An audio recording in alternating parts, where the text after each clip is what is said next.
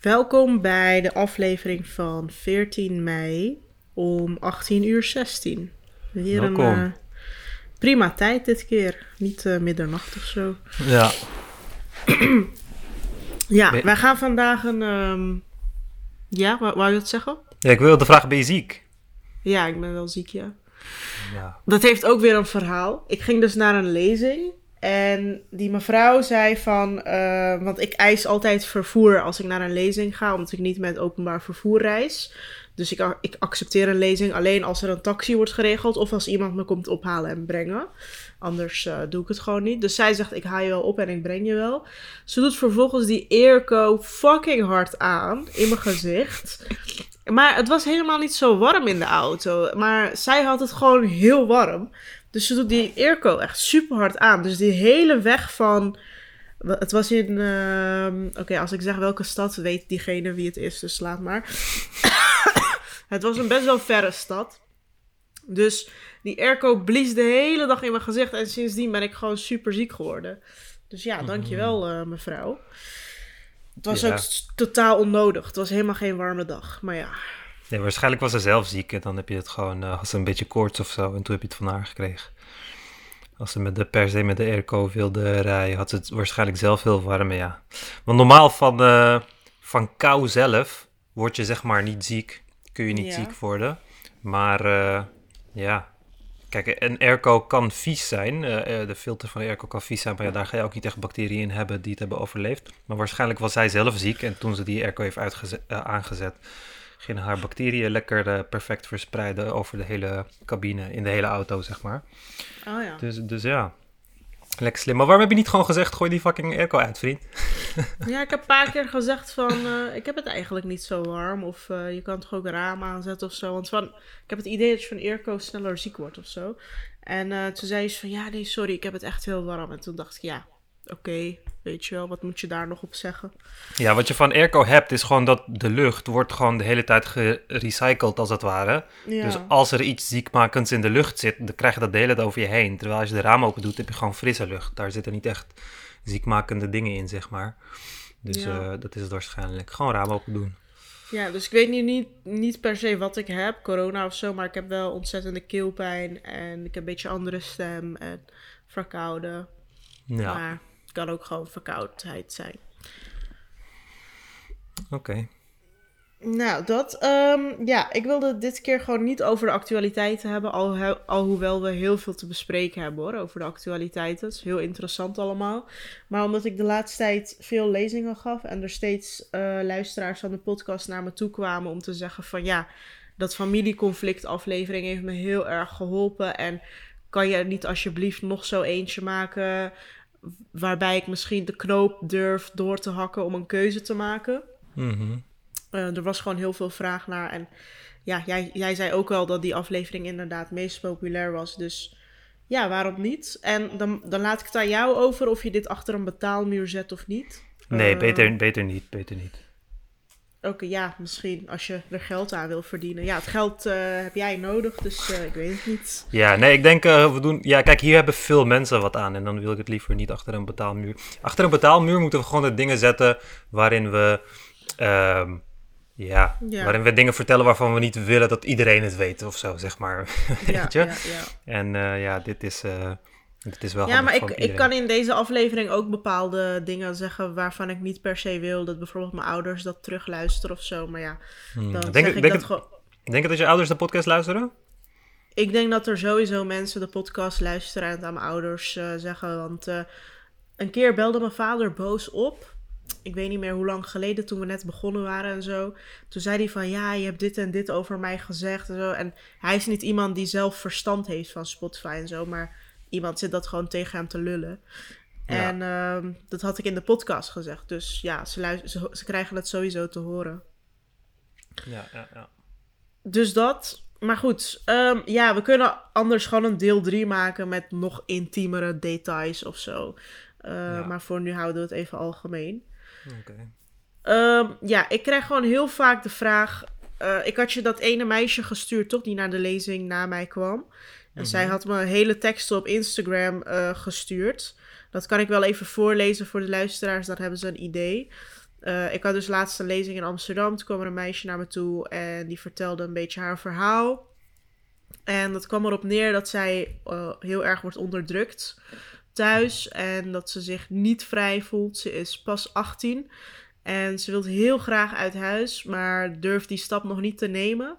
En dat komt omdat uh, haar vader tegen haar zegt: Als jij dat doet, dan gaat een van ons, dus je moeder of ik, gaat dan dood. En dat heb jij dan op je geweten. Um, ik zal even dat bericht sturen, uh, voorlezen dat zij mij heeft gestuurd. Het is wel een heel lang bericht, dus even geduld allemaal. Maar ik zal het even heel snel voorlezen. Hey Lale, ik betrap mezelf telkens na een verhitte discussie met mijn ouders in jouw DM. Ik typ een half uur lang een tekst en verwijder het daarna snel weer. Ik heb de ballen er namelijk niet voor om het uiteindelijk daadwerkelijk te versturen. Diezelfde ballen heb ik in meerdere situaties niet, helaas, terwijl ik ze hard nodig heb. Ondanks dat je mij niet kent en ik jou nooit gesproken heb, ben jij de enige persoon die ik het meest vertrouw en dat simpelweg omdat je mij begrijpt. Ik ben een Marokkaans meisje van 18 in een streng islamitisch gezin. Ik zeg cultureel, streng islamitisch slash cultureel. Ik zeg cultureel, want mijn familie kiest ervoor alleen de regels te handhaven die hun uit, uit hun naam het beste uitkomen. En ik ben alles wat mijn ouders niet willen. Ik geloof niet meer. Ik heb een Nederlandse vriend. Ik wil naar buiten zonder gefacetimed te worden. Ik wil niet met een achterneef trouwen. Ik wil niet als bedienstmeisje behandeld worden. Ik wil simpelweg mezelf zijn en dat kan helaas niet. De uh, nee, hetgene wat mij het meest dwars zit, is dat zij gewoon geen idee hebben wat mentale gezondheid is. Want dat bestaat niet in hun woordenboek. De scheldpartijen, de onderdrukking, het fysieke geweld wordt mij echt te veel. Vaak lig ik in mijn bed zo stil, zo stil mogelijk te huilen. Want dat mogen ze natuurlijk niet horen, anders krijg ik de preek waarin mij wordt uitgelegd dat ik een veel te goed leven heb. In mijn bed denk ik vaak: wat zou Lala doen? Maar ik kan helaas het antwoord er niet op vinden. Hoe ben jij uit huis gegaan? Ik sta dagelijks op het punt om gewoon weg te gaan, maar hou ik mezelf tegen door te bedenken wat voor vreselijke consequenties eraan vastzitten. Ik voel ook een vreselijke druk van mijn Nederlandse vriend die dagelijks tegen mij zegt: ga gewoon weg. En dan moet ik hem weer wijsmaken dat het echt niet zo makkelijk is en dat mijn vader mij oprecht levend zou begraven als hij mij dan zou vinden. Lala, jouw boek heeft mij dat kleine beetje hoop gegeven dat ik nodig had om simpelweg te overleven. Dank je wel daarvoor. Ik ben nog steeds zoekend naar de oplossing en hoe ik hier weg kan. Ik kan dit gewoon niet langer. Ik kijk oprecht naar hoe jij nu leeft, hopen dat ik op een dag net zo gelukkig en vrij kan zijn. Dank je wel voor alles. Ik hoop je ooit, ooit te mogen spreken. Nou, vervolgens een heel gesprek nadat ze bij mijn lezing was geweest.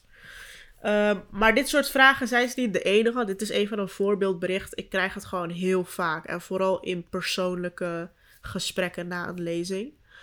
Ehm, heel vaak komen er bijvoorbeeld lesbische meisjes uit de islamitische cultuur naar mij toe, valt me op. En ja, wat, uh, wat moet je daarmee? In haar ehm, geval. Ik, ik, ik, uh, ik, ik, heb even, ik moet even heel snel. Ik moet even twee minuten weg. Even. Oké, want, ja, is eh, goed. Want mijn uh, hagedis, ik heb hem in de tuin vergeten, dus ik moet hem nu even zoeken. Ik was helemaal vergeten. Wacht, ik kom er zo aan. Is goed, doe je ding. Kut, kut, Ja, nou, oké. Ik heb uh, Moeshu gevonden. Ja, ik was even bang dat de vogels hem hadden aangevallen. Daarom moest ik even snel. Oh, en gaat het goed? Ja, ik heb hem weer binnengezet. Oké, nou, waar was je gebleven? Ja, ik had dus het bericht voorgelezen. Had je dat wel meegekregen? Ja, ja, ja. Ja, en het komt erop neer. Kijk, elke vraag van elke situatie is eigenlijk een beetje hetzelfde. Aan de ene kant familie verlaten, aan de andere kant voor jezelf kiezen. Hoe doe je dat? Waar haal je de moed vandaan? Hoe heb je dat zo gedaan? Hoe, kijk, hoe heb je geen last van schuldgevoel? Dat soort vragen krijg ik vaak. En ik denk dat, kijk, als ik mijn verhaal vergelijk met, jou, vergelijk met jouw verhaal. Onze ouders waren zeg maar niet per se heel lief of zo. En ze pasten ook heel veel agressie toe en zo. Dus wij konden denk ik wat makkelijker die stap zetten. Omdat ze uiteindelijk zo agressief werden dat we dachten van, weet je wat, fuck dit. Krijg de tering, wij gaan weg. Ik denk dat dat wel ergens meehelpt. Dat je ouders echt, zeg maar, tussen aanhalingstekens kutmensen zijn. Want dan kun je wel die stap zetten van, weet je wat, ze zijn zo onaardig, ze zijn zo agressief. Ik uh, voor mijn eigen mentale gezondheid ga ik hier weg. Maar stel dat je ouders gewoon niet zo zijn, hè. Dus bij heel veel mensen zijn de ouders bijvoorbeeld gewoon heel zacht of lief, maar zijn ze wel heel streng gelovig. Ja. En dan zeggen ze gewoon van, eh, weet je, doe het alsjeblieft niet. Je gaat ons helemaal kapot maken. Of eh, wij gaan dan dood. Of eh, alsjeblieft, eh, doe me dat niet aan. Ik ben jouw moeder. Weet je wel, gaan ze echt op je schuldgevoel inspelen. Mhm. Ehm, en dat is dan wat moeilijker, want ik had dat ook een tijdje, weet je. Ehm, als mijn, eh, bijvoorbeeld toen na mijn boek kwam er een imam bij ons thuis, er- meerdere vrouwelijke imams en buurvrouwen en zo. En die gingen dan heel erg proberen een soort van mij met zachte woorden te overtuigen dat ik het allemaal niet moest doen en dat ik gewoon ze gingen je een soort van behandelen alsof, je, alsof er iets mankeerde in je hoofd of zo. Of alsof je een fout hebt begaan of zo.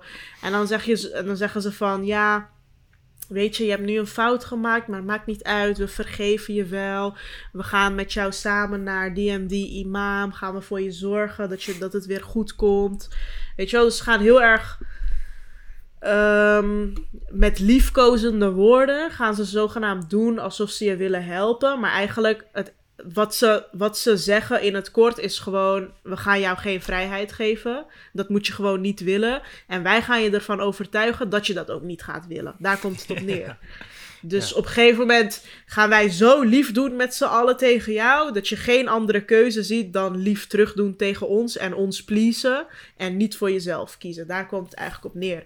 Want ehm, ze proberen je dan helemaal in te pakken met woorden van. eh, je toch in het Turks zeggen ze dan yapma etme. eh onze cultuur is veel beter. Dan gaan ze zeg maar de voordelen ervan uitleggen. En de nadelen van vrijheid. En dan gaan ze zeggen van. eh, ja, eh, je wilt bijvoorbeeld wel een Nederlandse vriend, maar Nederlanders die zijn zo en zo. Je weet niet hoe dat later gaat. Wat als je, wat als je scheidt, dan heb je niemand meer. Onze cultuur is beter, weet je. Ze gaan gewoon welke voorbeeld je ook bedenkt. Of het nou uit het geloof stappen is, of gay zijn is, of een Nederlands vriendje hebben is, of op jezelf wonen. Maakt niet uit. Ze gaan allemaal redenen verzinnen waarom jij fout zit. En ze gaan je heel veel schuldgevoel aanpraten. Ja. En helaas moet je heel sterk in je schoenen staan. Wil je dat alles kunnen negeren en niet omkijken en radicaal voor jezelf kiezen? En dat kunnen heel veel mensen gewoon niet. Vooral niet als je 18 bent. Wayo, ik was nog niet eens zo ver op mijn eh 23ste. Dat is Ja. vijf jaar ouder dan 18. Ehm, ja. Ging Dus- op je 23ste uit huis? ja. Ja, ja. Ja, 18 is wel eh, heel jong inderdaad. Kijk, op mijn 18e was ik, was ik, was ik nog totaal. Ik zag niet eens als optie om, om uit huis te gaan, zeg maar. Dat, dat zag ik niet als optie. Het was Ja. zeg maar, ik zag toen alleen als optie om dingen nog stiekem te doen. Maar echt uit huis gaan, dat, dat was niet eens in de hoek van mijn hersenpan of zo, weet je wel. Mhm. Ehm, dus ik kan me heel goed voorstellen wat zij zegt. En ik vind het ergens ook heel knap dat zij op zo'n jonge leeftijd al zeker weet dat ze het wil. Ja. Ehm, ja, ik denk dat veel mensen het op vrij jonge... Want, eh, ja, ik wist het ook wel. En mijn zusje ook wel. Mijn zusje ging uit huis toen ze 19 was ook. mhm. En eh, dat was gewoon de prioriteit. Want je weet... Ja, het is heel anders. Ook wat je zegt. Hè? Want sommige mensen hebben... Het, ja, voor 50% hebben ze het chill thuis. Maar dan moeten ze gewoon, weet je, op... eh, hoe heet dat? Op eierschalen lopen of zo? Dan Moeten ze echt op, Ja. eh, in een mijnenveld eh, lopen om, weet je, om ervoor te zorgen dat het ook chill blijft. Maar eh, ja, als je het gewoon kut hebt thuis, dan weet je vanaf een jonge leeftijd al van... oké, dit is niet goed voor mij en ik moet hier weg. Ja. Want ik heb, ik heb helemaal geen eh, rust en zo. En eh, ja, op zich, 18, 19, ja, genoeg mensen die op die leeftijd uit huis gaan. Alleen veel mensen, zeg maar normale mensen die op die leeftijd uit huis gaan... die gaan uit huis met hun ouders. Hè? Een soort van de ouders die steunen jou daarin. En als er iets fout gaat, dan kun je altijd weer terug. En dat soort dingen. Als je even geen geld hebt, sturen ze je geld. Dus dat is veel makkelijker. Maar wanneer je dan helemaal los moet breken, dat is echt. ehm, ja, het is, het is heel lastig. Alleen, eh, kijk, zij vertelt ook over, ehm, over geweld en zo. Weet je, dat er wordt gedreigd en allemaal, allemaal dat soort dingen. En ja, dat is. Bij mij is dat. Heb jij, heb jij wel eens te maken gehad met geweld? Ben jij wel eens geslagen als. eh, Ja, jawel, lichtelijk hoor. Niet echt eh, heel veel of zo. Maar ik kreeg ook wel eens een klap, ja. Oh ja, ja dat, is, dat is voor mij is dat meestal wel genoeg. Ja, altijd genoeg reden geweest om weg te gaan. Want eh, eigenlijk, ja, wanneer, zodra je ouders dreigen dan met geweld en ook nog geweld toepassen, dan weet je eigenlijk dat jij daar niet tussen hoort. Hè? Dat, dat, dat zijn geen ouders in, in principe. Dus ehm, ja, alleen ja, bij vrouwen is dat gewoon wat anders. Als, als vrouw. Kijk, ik heb, dat, ik heb nooit gedacht dat ik uit huis ga. Dat ik denk van, oh, mijn vader gaat me ergens zien en me helemaal eh, in elkaar trappen of zo. Ik heb dat nooit gehad. Maar als mhm. vrouw zijnde ben je daar natuurlijk bang voor. Want je kan jezelf uh, weinig beschermen in dat soort gevallen. Als je broers hebt of neven of dat soort dingen. Ja. Dus uh, dat, dat voegt heel wat ja, complexiteit, complexiteit toe. Maar Kijk, in dit geval gaat het over een meisje die inderdaad, dat inderdaad te maken heeft met geweld. Maar ik krijg ook vaak de vraag van, oké, ik heb niet te maken met geweld. Want mijn ouders zijn gewoon lieve mensen. Maar ze gaan wel helemaal kapot als ik, als ik doe wat ik wil doen. Ja. Uh, bijvoorbeeld gay, gay zijn of zo. Ja, ik, ik, ik geloof wel dat als je een deels goede relatie hebt met je ouders, dan kan het het waard zijn want ik heb ook met mensen gesproken die dat doen. Dan kan het het waard zijn, dat is puur afhankelijk van jezelf, om in te zetten op ze langzaam van gedachten doen veranderen. Want je, je kan het doen, maar echt in een slakke tempo. Echt enorm langzaam. Weet je, dat je, oh, je bent nu boven de 20 of zo, dus nu mag je wat later thuiskomen. En nu heb je opeens een vriendje en dit en dat. Langzaamaan kunnen ouders ehm, er wel aan wennen. Alleen ja, dat brengt ook de nodige stress met zich mee. Weet je? Ja, dat duurt heel lang. Dus je hebt heel veel geduld nodig. Je weet niet wat het resultaat gaat worden. Misschien lijkt het erop dat ze gaan veranderen. En zeggen ze op het laatste moment: nee, sorry, we accepteren het toch niet. Of het lijkt alsof ze gaan veranderen. En dan krijgen ze spijt omdat andere mensen tegen hun gaan zeggen: hè ben je gek geworden of zo dat je dat accepteert of zo. En dan denken ze, oh shit, ik heb te veel geaccepteerd. En dan gaan ze weer terugdraaien. dus het is niet echt iets waar je op kan bouwen. Maar je kan erop inzetten, ja, als je hoop ziet. Ja, ik heb daar niet voor gekozen. Je hebt daar ook niet echt voor gekozen, denk ik. En, um, nee. ja, en dat heeft puur te maken met onze situatie. Maar als ik dit meisje zo hoor, dan denk ik dat, uh, ja, dat, dat dat ook niet echt een optie voor haar is. Nee. Um, ja, ik zou echt... Uh, Kijk, ik hoor steeds van je moet ballen kweken om te gaan en, en dit soort, je moet ballen hebben en dit soort dingen. Ik, um, ik had geen ballen. Um, ik denk dat Lale ook niet echt heel erg ballen. Kijk, wij, ik, ik denk dat iedereen het idee heeft, wanneer ze over jouw verhaal of over, mij, uh, over mijn verhaal horen, dat ze denken van, oh, we zijn super sterk en we maken die keuze en we gaan het gewoon doen. Maar dat is het niet. Er zit superveel angst en onzekerheid. Al die dingen zitten erin. Want je bent letterlijk, je bent een kind, je gaat voor de eerste keer uit huis en je staat er gewoon voor jezelf voor, weet je? Ja. En dat kun je wat vergemakkelijken met, weet je, als je financiële middelen hebt en dat soort dingen, dan kun je het vergemakkelijken. Maar dat is ook niet alles, weet je? Uiteindelijk sta je er nog steeds alleen voor. En uh, wat ik ook heel erg merk bij meisjes vooral, is dan van, oh, ik heb een vriendje en ik wil uit huis gaan en dan, weet ik veel, samenwonen met die vriendje of whatever. Maar doe dat ook voorzichtig, want um, het gaat om jou, zeg maar. Weet je, als die vriendje weg is of als je vriendinnetje weg is, en omdat je heel erg veel leunt op die persoon, hè, omdat je je ouders niet meer hebt, dan ga je leunen op de persoon die dan het dichtst bij je staat, en dat is dan je vriendin of je, of je vriendje. Als die dan ook weg is, dan ben je de lul. Dus het is heel erg belangrijk om uh, jezelf te leren kennen. Om sterk te, te, staan in je eigen schoenen. Zonder te veel te, te, moeten leunen op andere mensen. Tuurlijk, tijdens die reis kun je leunen op je vrienden en je relatie en dat soort dingen. Maar probeer niet al je gewicht uh, daarop te zetten. Want anders ja, zul je nog eenzamer voelen als dat uh, verpest is en zo. En uh, weet je, ik. Ja. ja, ik denk dat het inderdaad een heel slecht plan is om alleen voor zeg maar, je vriendje uit huis te gaan. Je moet ook echt zeg maar, je eigen vrijheid heel belangrijk vinden. Buiten, buiten of je single bent of een vriendje hebt of zo. Ja. Um, want ik had ook um, van mijn 18e tot mijn 21ste had ik een Nederlands vriendje. Maar daar, toen had ik niet uh, het idee dat ik bijvoorbeeld mijn ouders kon missen of mijn familie kon achterlaten voor een vriendje. Dat was het me niet waard. Pas op mijn 23ste besefte ik dat het eigenlijk niet gaat om een vriendje. Want ik had toen ook geen vriendje op mijn 23ste. Um, ehm, maar ik besefte gewoon dat vrijheid mij heel veel gaf. Uh, een eigen huis, uh, doen wat ik wil, me aandoen wat ik wil, zeggen wat ik wil, de vrienden hebben die ik wil. En niet onder die culturele druk staan.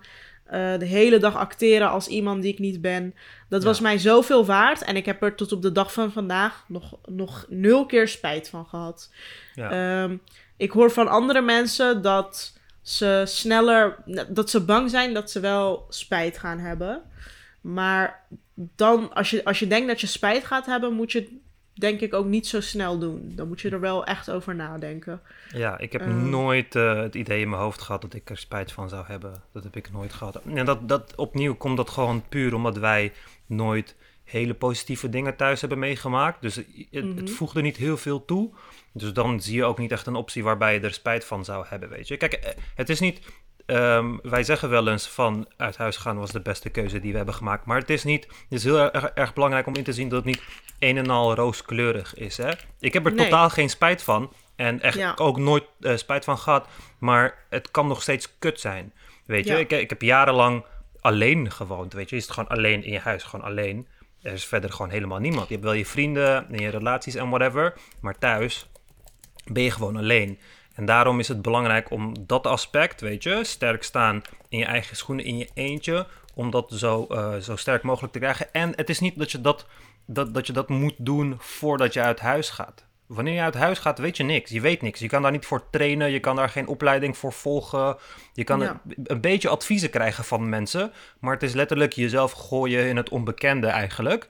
En er zo goed mogelijk van eh, af proberen te komen. En uiteindelijk, eh, ja, ik durf mijn hand daarvoor in het vuur te steken. Als jouw thuissituatie kut is, zul je er beter van komen. En tuurlijk ga je allemaal dingen meenemen als trauma's en whatever. Maar het zijn allemaal dingen, ja, dat, dat is gewoon baggage die je hebt. En dat zijn dingen die je gaat moeten verwerken. Maar eh, ja, ik, ik, ik ken niemand die in deze situatie zit, die uit huis is gegaan, uit een kutsituatie, die daar spijt van heeft gekregen of zo. Weet je, Nee. dus dat zie ik ook niet snel gebeuren. Nee, ik ken ook niemand. De berichten die ik krijg van mensen die uit huis gaan zijn eigenlijk alleen maar positief. Ehm, we hebben ook laatst die luisteraar van ons gehad die naar Zwitserland is gegaan. Ja. Ehm, ik ben Is- ook benieuwd hoe zij zich met de tijd zal ontwikkelen. Is ze al daar? Ja, ja. Oh, ja. ik volg haar op Instagram. Ik zie dat ze ja, echt van haar leven geniet. En ze zet er ook elke keer bij van, eh, ja, vrijheid voelt zo goed en zo. ja. Ik denk dat er geen beter gevoel bestaat dan onafhankelijkheid en vrijheid. Eh, ik moet er soms nog steeds aan wennen dat ik gewoon, dat ik gewoon doe wat ik wil. Dat ik met niemand rekening hoef te houden. Eh, aan de, kijk, tuurlijk, zowel emotioneel als praktisch. Er zijn er ook dingen die kut zijn hoor. Vergeleken met dat je wel contact hebt met je familie. Ik ben nu bijvoorbeeld aan het verhuizen. Ja, moet ik allemaal alleen doen. Normaal heb je heel veel hulp van je familie. Ja. Ehm, om maar een voorbeeld te geven, maar dat is een heel praktisch voorbeeld. Eh, ook bijvoorbeeld, nou, zij is dan 18, eh, ze heeft nog niet zoveel geld. Ja, zij moet gewoon keihard werken, wil ze huur Mhm. betalen. En ze woont ook nog in Amsterdam. Nou, in Amsterdam is het al helemaal onmogelijk, denk ik, op je 18e.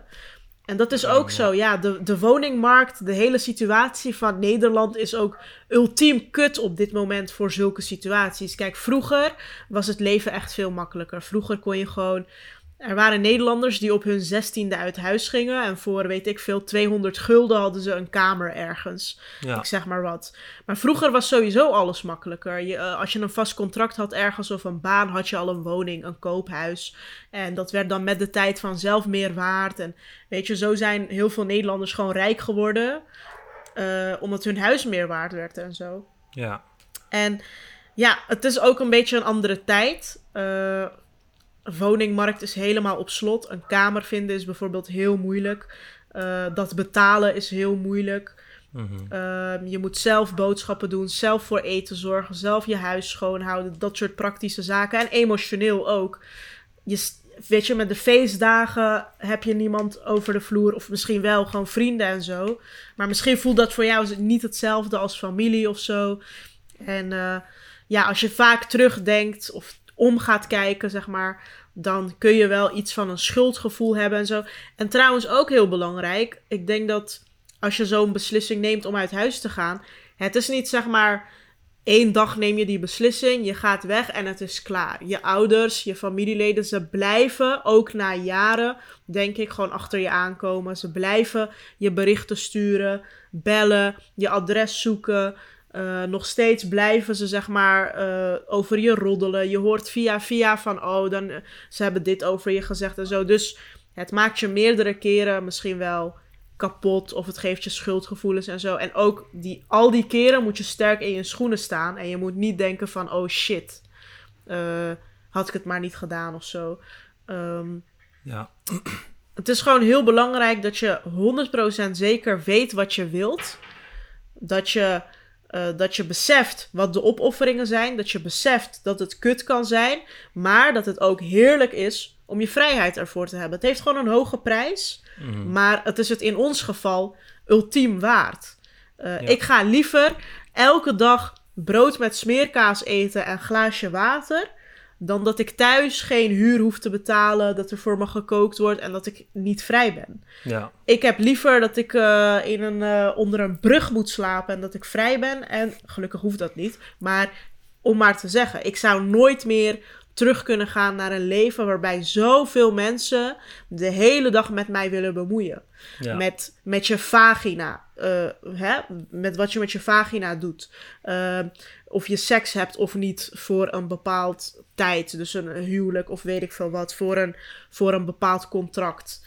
Eh, dat kan ik gewoon. Ik kan me daar niet eens meer iets bij voorstellen. Dat iemand zich daarmee bemoeit. Ja. Laat staan over andere dingen. Wat je aan hebt. Hoe je je kleedt is zo'n grote vorm van je identiteit.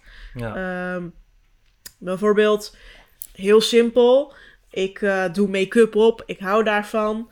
Ik doe eh, nagellak op. Ik heb best wel lange nagels. Ik eh, kleed me op een bepaalde manier. Dat is onmogelijk binnen een traditioneel Turks gezin waar ik vandaan kom. Dan, dan, dan vinden ze mij gewoon eruit zien als een eh, stoephoer of een heks of weet ik veel wat. Dus hoe kan je jezelf zijn in zo'n huishouden waarbij je je totaal anders moet kleden? Ik heb heel lang, ik kijk soms terug naar oude foto's. Ik heb heel lang gelopen in een hoofddoek en een lange jurk. En als ik die foto's zie, dan moet ik bijna huilen. Omdat ik denk van, oh, zo zielig voor mezelf. Dat ik gewoon jarenlang Ja. zo, heb, zo heb gelopen. Want je ziet gewoon iemand die 20, 21, 19, 18 is. Die helemaal gewikkeld is in doeken. En die eigenlijk haar, haar eigen identiteit niet kan uitdragen. Haar jongere jaren niet kan meemaken. Want ik lijk wel een huisvrouw van 30 die al vier kinderen heeft. Eh, met een hoofddoek en een lange jurk. Zonder make-up, et cetera. Ehm, dus alleen al zoiets. Heel simpel. Dragen wat je wil. Staan en gaan waar je wil. Hoe laat dat je wil thuiskomen. Je eigen ruimte. Geen gezeik aan je hoofd. Zoveel mentale rust krijg je daarvan. ja. Eh, nie- niemand die zegt eh 26 gemiste oproepen. En zoals je ook in dat berichtje hoorde, ik wil niet gefacetimed worden door mijn vader. Ik word er gek van. En ze zei ook na de lezing van mijn vader staat elke dag voor de deur van mijn werk om mij op te halen en zo, om mij te controleren. Dat is gewoon een gevangenenleven, terwijl Ja. je in Nederland woont, wat een vrij land moet zijn. ja. Dus ja. ja, het is... Ja. Ja, Ja, en ehm, het hoeft niet. Kijk, de huizenmarkt is fucked up. Maar het hoeft echt niet moeilijk te zijn als je studeert. Als je eh, jong bent, je bent in 18, 19, 20, 21. Hoeft het echt niet moeilijk te zijn om uit huis te gaan. Zolang je maar van tevoren jezelf inschrijft. Kijk, je hebt heel veel verschillende ehm studentenwoningorganisaties in, in Amsterdam. Waar je gewoon voor vrij. Ja, het is nog steeds fucking duur. Maar waar je voor. eh, waar je een studio kan huren. Waar je ook eh, huurtoeslag voor krijgt, bijvoorbeeld. Mijn eerste twee woningen kreeg ik gewoon Ja. huurtoeslag. ja, Uiteindelijk werd het 500 euro in de maand of zo, de huur. En wat je dan gaat doen, is je gaat gewoon maximaal bijlenen van de studiefinanciering. Als je het geld niet hebt, hè. Maximaal Duo. bijlenen, ja, duo. Maximaal bijlenen. Laat niemand anders je vertellen dat je dat niet moet doen. Doe dat gewoon. Want het is en je hebt het nodig. En het is de beste lening die iemand je ooit gaat aanbieden. De, en weet je, als je je school afmaakt, kun je dat makkelijk eh, afbetalen. Maar dat gaat je heel veel eh, rust besparen. En als het geld niet genoeg is, ga je gewoon, net zoals iedereen, naast je school, ga je gewoon keihard werken. Weet je, dan doe je gewoon eh, zoveel uurtjes in de week. En eh, dat, ja, dat doe je voor vier, vijf jaartjes totdat je klaar bent met je school. Maar maar het is, uiteindelijk gaat het het allemaal waard zijn. Maar het is heel belangrijk om niet te denken in negatieve. Weet je, als je de hele tijd gaat denken van, oh ja, maar ik ga geen huis kunnen vinden en ik ga niet gelukkig kunnen zijn, of mijn vader gaat me hier zien of daar zien of whatever. En als je bang bent dat je, dat je ouders je ergens gaan zien of ze gaan je slaan of whatever, je verhuist gewoon naar een ander stadsdeel. Kijk, ik, heb, ik ben, het is nu 10, 11 jaar geleden dat ik uit huis ben gegaan. Ik heb mijn ouders nul keer gezien in Amsterdam. Weet je, nul Ja. keer. Ik heb ze helemaal nergens gezien. In de eerste jaar gaat dat heel eng zijn. Dat je denkt van, oh, ik ga mijn neef tegenkomen of whatever. Maar ik bedoel, Amsterdam is fucking groot. En het is eh, vrij eh, ja, makkelijk om de Nee, maar ik zou, het wel, ik zou het wel afraden om in dezelfde stad te blijven als je broers of zo hebt die overal komen. Eh, doe gewoon een andere stad, steden genoeg. Neem een ander nummer. Blokkeer iedereen. Zeg je adres tegen niemand. Gun jezelf gewoon een rust in de eerste periode vooral. En ehm, ja, het is gewoon even moeilijk om daar doorheen te bijten. Ehm, maar het is echt beter. En ik zou ook niet samenwonen trouwens. Want stel je voor dat het uitgaat of je krijgt ruzie. Want je hebt nog nooit in je leven samen gewoond. Je gaat hup van je ouders huis naar, naar je vriendjes huis. Je weet totaal niet hoe het is om samen te wonen. Je hebt, je hebt elkaar. Je hebt elkaar alleen in een fucking restaurant gezien, stiekem, één keer in de week. Dat is een heel verschil met samen slapen, samen wakker worden, samen stress meemaken. Ehm, dus ga niet uh, een huis nemen met een vriendje, want als je ruzie krijgt, heb jij weer geen huis. Dus neem wel iets voor jezelf sowieso. Ja, 100%. Um, ja, die, die fout heb ik gemaakt. Ik leunde heel erg veel op mijn vriendin. je hebt dan je familie niet, dus dan heb je je vriendin. En dan is het iemand die je zeg maar na je familie het langst kent of zo. En mhm. eh, ja, zodra die persoon je laat vallen, dan is het net alsof je weer je familie achterlaat, zeg maar, weet je. Dus daarom is het heel belangrijk om op een jonge leeftijd te leren om independent te zijn. Al die, al die relaties en vriendjes en weet ik veel wat, dat is nu allemaal, uh, weet je, rooskleurige shit in je, in je uh, early 20s. Maar over vijf jaar denk ik daar natuurlijk heel anders over.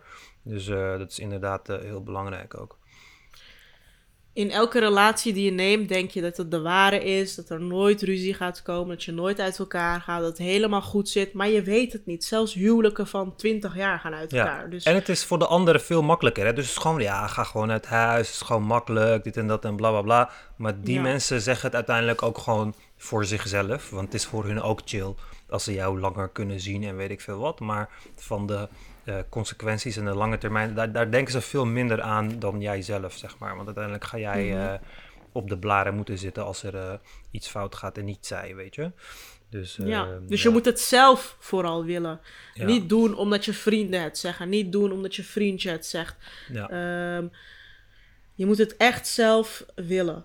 En over duo lenen. Ik merk dat allochtonen een soort aversie hebben tegen lenen. Ik weet niet waarom. Elke Nederlander leent gewoon maximaal die ik ken. En ze vinden het mhm. helemaal prima.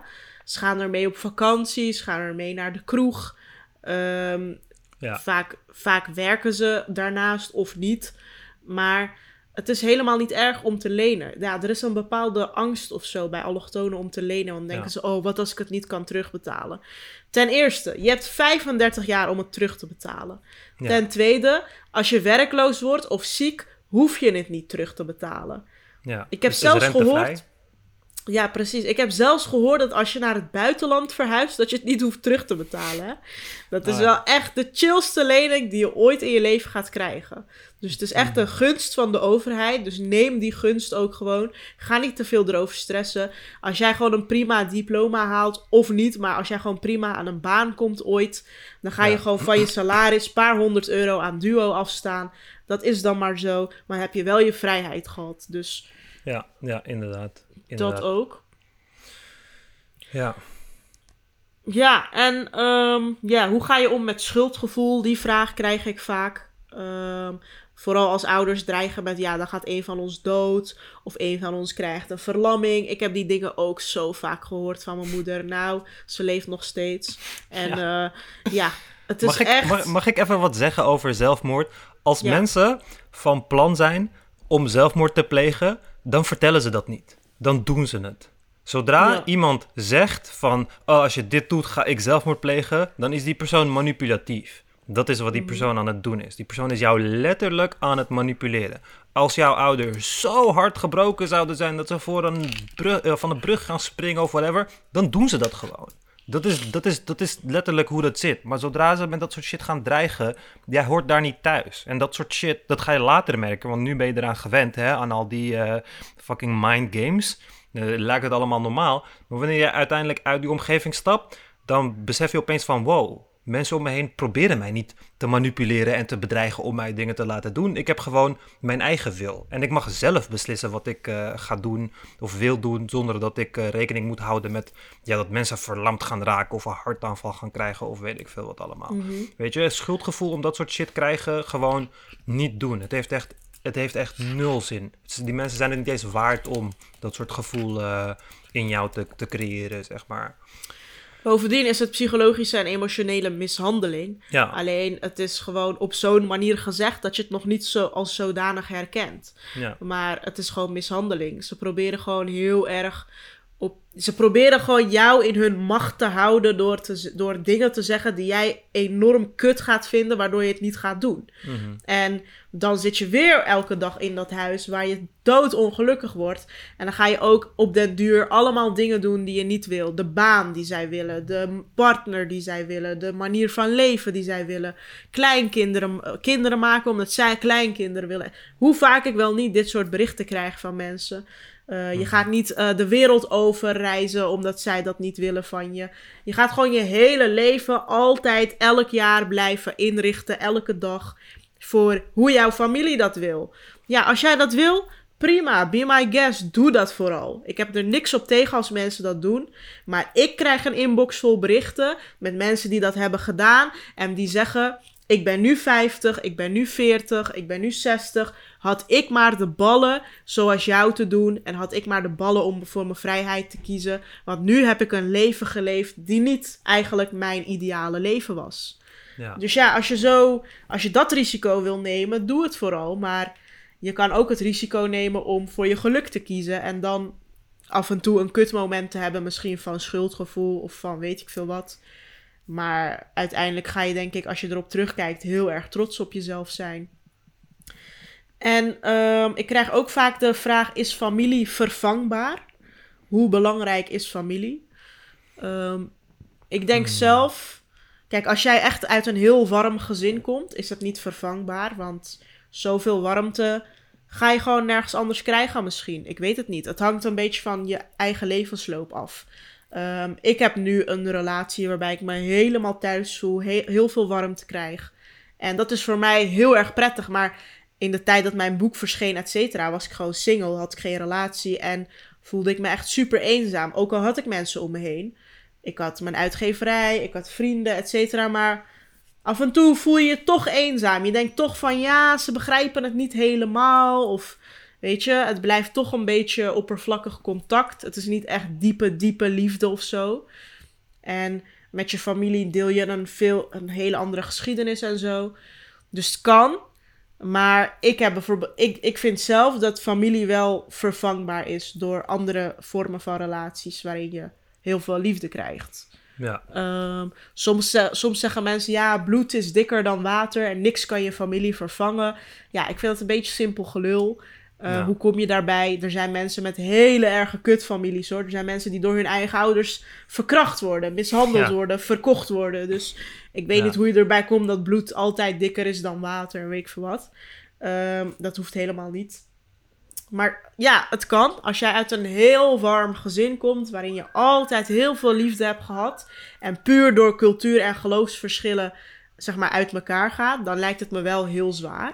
Vooral als je niet snel aan een hele diepe relatie komt. Of aan misschien niet hele goede vrienden om je heen hebt of zo.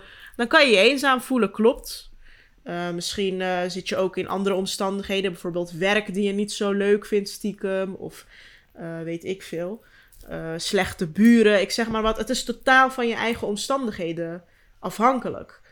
Um, ik voel geen gemis. Maar het kan zijn dat jij in omstandigheden zit waarbij je wel denkt van shit ik heb het nu eigenlijk slechter of zo. Maar dan ook is het dan in je eigen hand om die omstandigheden beter te maken, zeg maar. Om op zoek te gaan naar mensen met wie je kan connecten op een diepe manier, waardoor je toch een soort van familiegevoel hebt bij die mensen.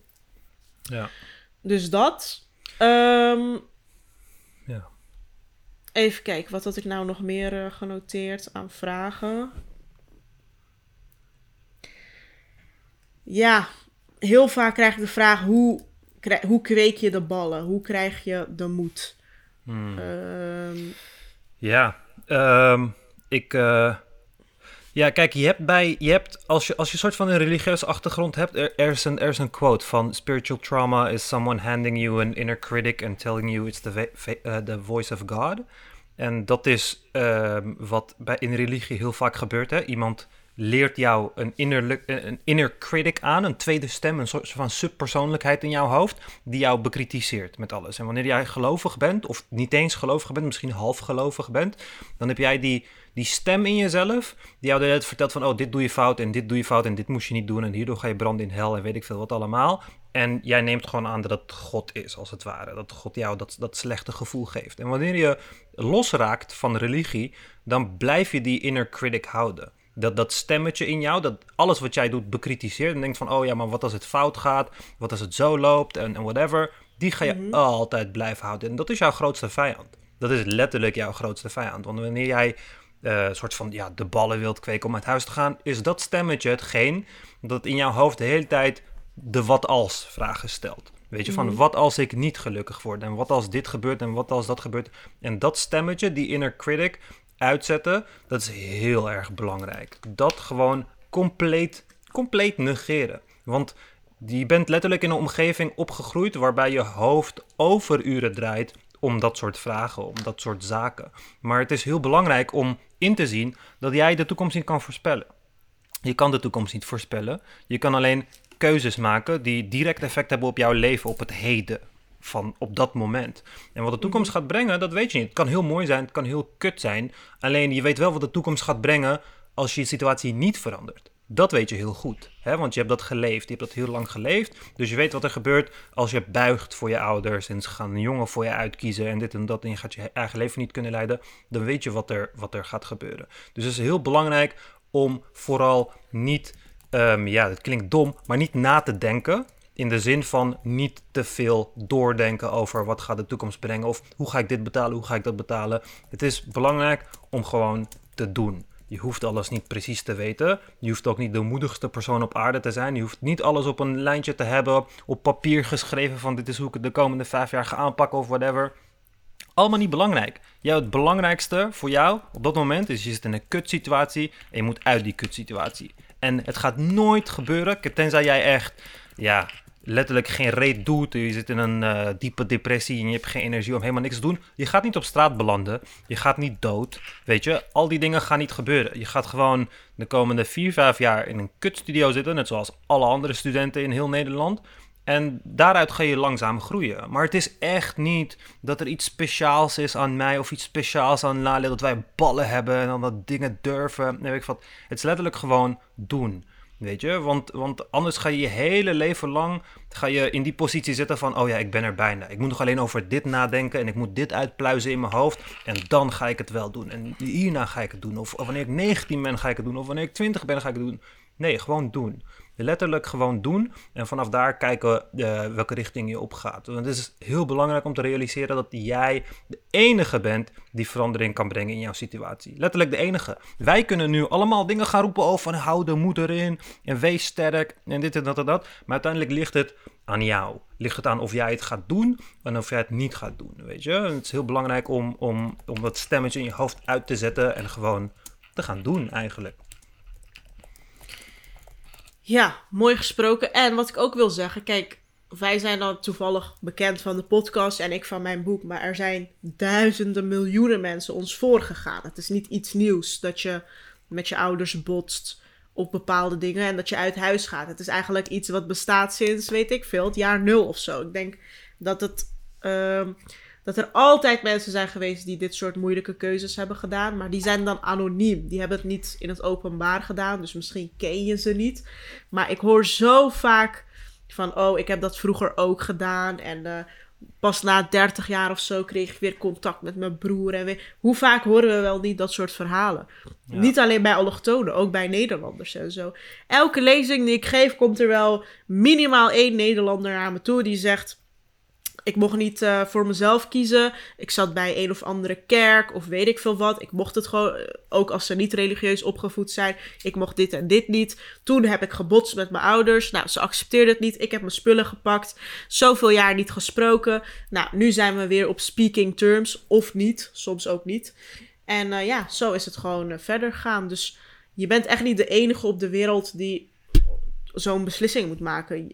Alleen je hoort die verhalen gewoon vaak niet, omdat je ze niet kent. Ja. Ehm, bovendien, ja, kijk, ik sprak dus laatst met mijn broertje. Oké, dit moet ik wel discreet vertellen, anders eh, weet eh, diegene over wie ik het heb.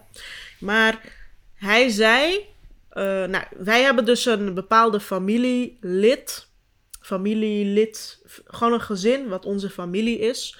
En dat gezin is zeg maar nog veel erger dan mijn ouders. Die zijn echt heel streng. Uh, die kiezen ook gewoon echt voor hun. Die hebben vier kinderen en die kiezen voor elk van hun kinderen ook de partner uit en zo. Dus ze dwingen gewoon hun kind om daarmee te trouwen en zo. Dat is gebeurd bij in ieder geval de twee vrouwelijke kinderen. Um, ik en mijn broertje hebben meegemaakt dat de oudste vrouwelijke kind van hun op een gegeven moment geforceerd is uitgehuwelijkt. En uh, het is gewoon iemand die hier geboren en getogen is, hè, hun kind. Uh, die was verliefd op iemand anders, daar mocht ze niet mee zijn. En die is toen geforceerd uitgehuwelijkt aan iemand die hè, uit onze familie, uit onze, onze streek, onze dorp, bla, bla. Gewoon die haar ouders voor haar hadden uitgekozen. Omdat zij die familie ook kende, hecht waren met die familie. En op een gegeven moment hadden besloten: oké, jullie moeten gewoon met elkaar trouwen. Want dat willen wij. Toen is zij geforceerd en toen, een jaar nadat ze getrouwd was, zijn ik en mijn broertje bij haar langs gegaan. En toen ging ze huilend vertellen aan ons dat ze super ongelukkig was in haar huwelijk. En dat ze eigenlijk niet verliefd was, maar een soort van haar lot had geaccepteerd. Dat, dat ja. heeft ze letterlijk gezegd. Uh, ze zei dat ze gewoon niet van hem hield, niet verliefd was, maar uiteindelijk Weet je, ze woonde in een uh, ja, prima huis en zo. En hij was wel aardig. Dus zij, had zoiets van: oké, weet je wat, als mijn ouders daar nou zo gelukkig van worden, ik heb mijn lot geaccepteerd. Nou, nu inmiddels zijn ze een paar jaar verder, al kinderen, dit en dat. En ze hebben het ook bij hun tweede dochter gedaan. En mijn moeder heeft blijkbaar tegen mijn broertje gezegd laatst van... Jeetje, wij dachten altijd van zo, die ouders zijn wel echt te streng misschien. Maar nu zie ik in dat ze het eigenlijk uh, op de beste manier doen. Want moet je nou naar hun kinderen kijken, allemaal mooi gezin, allemaal kinderen, allemaal prima huis. Weet je, uh, zoals ze in het Turks zeggen, gül gibi geçinip gidiyorlar en zo. Ja, ja. Uh, ze zijn elk weekend samen bij elkaar met z'n allen aan het barbecuen, dit en dat. Dus zij kijkt op naar dat gezin die Ja. letterlijk hun kinderen hebben uitgehuwelijkt, waarvan wij letterlijk getuigen zijn geweest dat zij huilden. Dus Ja. op een gegeven moment schrok zelfs mijn broertje daarvan dat mijn moeder dat zei. En dat heeft mij twee dingen geleerd. Eén, ze heeft er helemaal niks van geleerd, dit alles. Dus ze is niet zachter geworden, maar juist in tegendeel harder geworden. En ten tweede, dat zelfs mijn broertje schrok van... Oké, ze hebben liever dat ze iemand forceren... terwijl diegene zegt, ik ben niet gelukkig zo... om maar dat plaatje te krijgen die in hun hoofd zit. Dus goede man, kinderen baren, eh, gezin bij elkaar... eh, weet je wel, hoofddoek, koken, eh, barbecuen samen... Alles om dat plaatje te krijgen.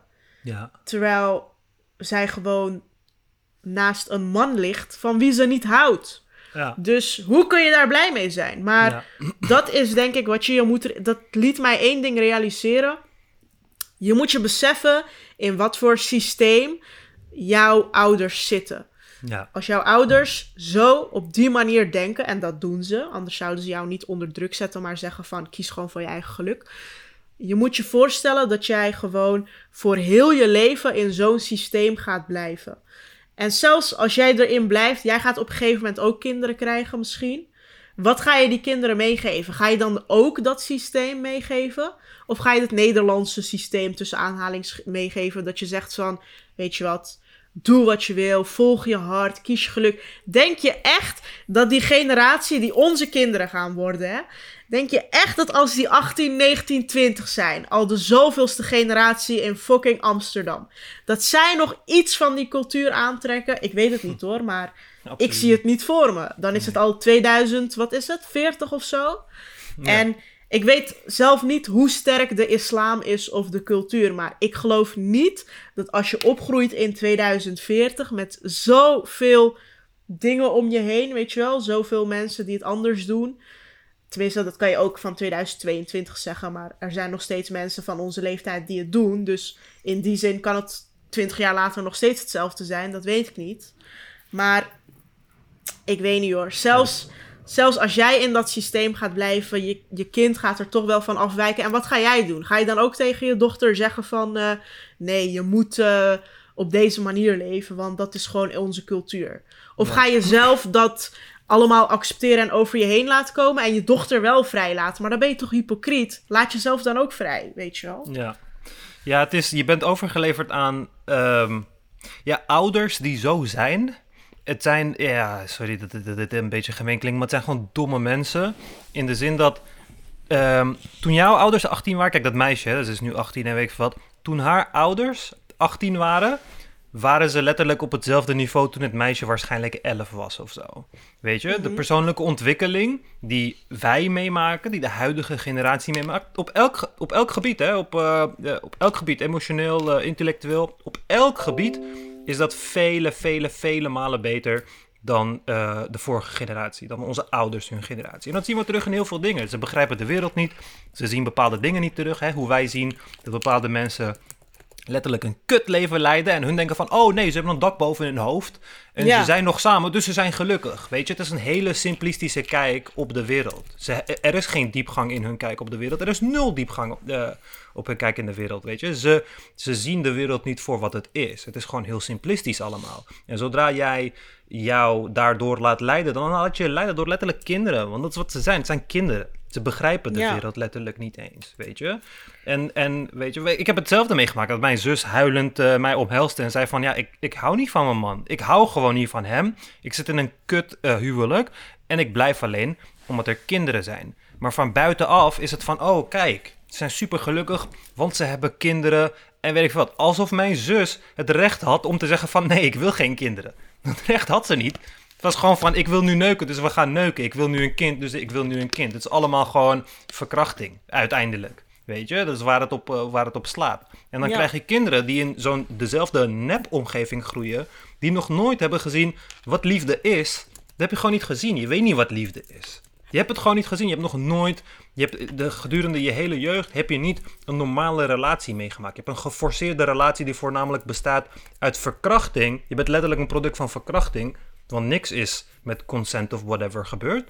Mhm. dat, dat, is, dat is waar je uitkomt. En dat ga je letterlijk voort laten zetten als je daar geen stokje uh, uh, tussen steekt. En je kinderen gaan het je fucking kwalijk nemen hoor. Ik neem het mijn ouders heel erg kwalijk om het feit dat ze, ik heb, weet je, dat, dat ze geen liefdevolle relatie hebben, hadden en daar geen daar geen eind aan hebben, hebben gemaakt, zeg maar. Weet je? Mhm. Maar vanuit Turks perspectief is het van... Oh ja, maar kijk, ze zijn niet gescheiden, dus ze zijn gelukkig. dan denk ik van ja.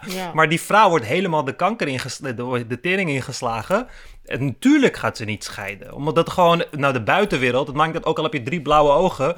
Zolang je gewoon bij elkaar bent, lijkt het voor de buitenwereld gewoon van, oh, die zijn, die zijn gelukkig samen. En dat is, dat is wat zich voortzet. En weet je, voor, bij mij boeit het verder niet of ik. Uh, weet je, de ware ga vinden en gelukkig ga zijn en weet ik wat. Wat mij boeit is dat die, dat die, uh, die, die lijn aan fouten, dat daar een stop aan wordt gezet. Ik ga dat niet doorgeven aan mijn kinderen, vriend. Dat gaat gewoon nooit gebeuren. En niemand die mij daar, daar, daarin kan, kan forceren. Maar ja, je hebt dus wel genoeg Turken, Marokkanen of whatever meiden die dan ook een kutsituatie thuis hebben, maar dan zien ze uh, uitgehuwelijk worden, zien ze als een uitweg. Ze denken van, van, oh, dan heb ik mijn eigen plek en mijn eigen huis. En ook al zit ik op de tweede plaats, ik zit tenminste niet meer op de vijfde plaats. Weet je, ook al staat mhm. de, man boven mij, tenminste is het niet mijn vader en mijn moeder en mijn broer en mijn neef die boven mij staan. Dus ik heb wel mijn eigen omgeving en een beetje vrijheid. Dus dat zien ze dan als een uitweg. Dat heeft mijn zus ook gedaan. Die dacht van, oh ja, deze jongen, weet je, als ik met hem trouw, dan kan ik weg uit huis en dan heb ik mijn eigen huisje en dit en dat. Die kiezen daar dan gewoon voor, omdat dat letterlijk je enige optie lijkt. Voor al het andere heb je gewoon veel, uh, ja, heartache ga je gewoon, heel veel hartpijn ga je creëren bij andere mensen. Dus dat wil je dan niet doen.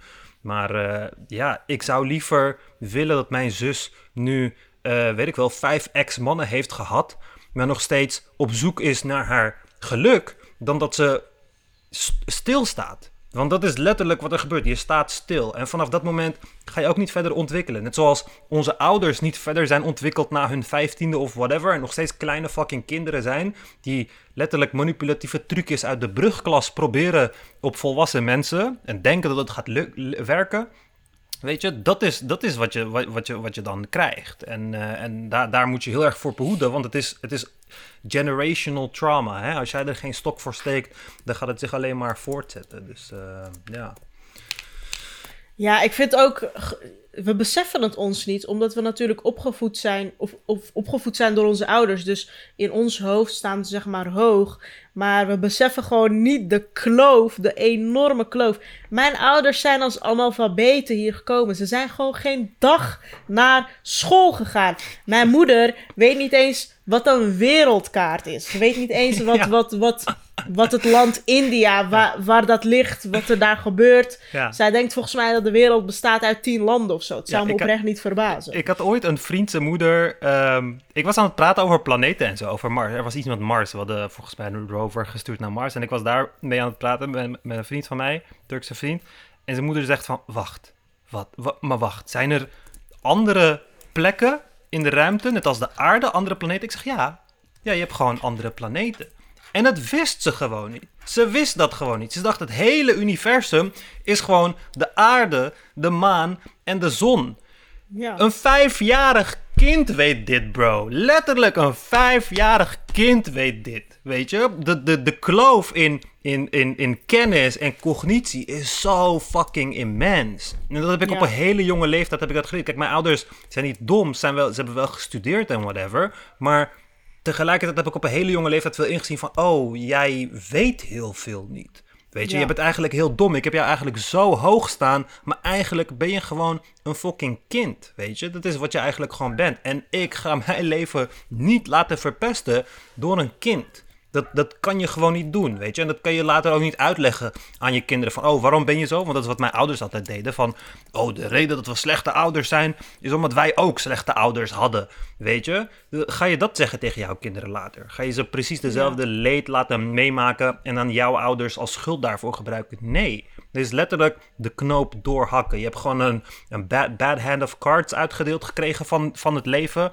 Waardoor jij een moeilijker begin hebt om aan jouw leven te beginnen. Maar je gaat er gewoon doorheen moeten bijten. Weet je, anders eh, heb je deze fouten over 100 jaar nog steeds in, jou, uh, in jouw stamboom. En dat wil je gewoon niet. Ja, ik besefte het voor het eerst toen ik elke keer huiswerk naar, van school, van de basisschool nam naar huis. En mijn moeder kon me niet eens helpen met klok kijken in die tijd. Ze kon geen fucking klok kijken. Laat staan rekenen. Ze kon niet uitrekenen wat 21 plus 21 is, want ze rekende met haar vingers. En zoveel vingers had ze niet. Dus toen besefte ik al van, oh, ik sta nu al hoger dan jou qua kennis. Ja, terwijl je wat 10 bent of 11 bent of zo, ja. Ja, precies. En dat is gewoon aan de ene kant super pijnlijk, omdat al die andere kinderen wel ouders hebben die dat allemaal snappen en met ze kunnen helpen en zo. Dus je leert al op hele jonge leeftijd, oké, ik moet het gewoon allemaal zelf uitvogelen, want aan jullie heb ik niks. Dus dat is aan de ene kant heel zwaar. Uh, want je krijgt ook geen bijles, weet je. Je hebt alleen de docent op school, klaar. Mhm. Ehm, aan de andere kant besefte ik het wel van oké, weet je, ik moet ook misschien qua andere zaken niet op hun intelligentie leunen, want deze mensen weten niks, die zijn nooit naar school gegaan. En bijvoorbeeld iets heel simpels, hè. Turken zeggen, Turk, hele simpele ongeschoolde Turken die geloven dat als je uit een bepaalde stad uit Turkije komt, dat je bepaalde karaktereigenschappen hebt. ja. ja. En mijn ouders geloven daar tot op de dag van vandaag heilig in. Hè? Dat is ook de reden dat zij heel graag wilden, en ook van andere familieleden, maar ook van hun eigen kind, zoals ik, dat ik trouw met iemand die ook uit die streek van hun komt. Want zij geloven er heilig in dat een man uit die streek alleen maar goed kan zijn. Ja. En een man uit een andere streek die zij niet kennen, die zijn die liegen, die bedriegen, die scheiden snel, die drinken, die gokken.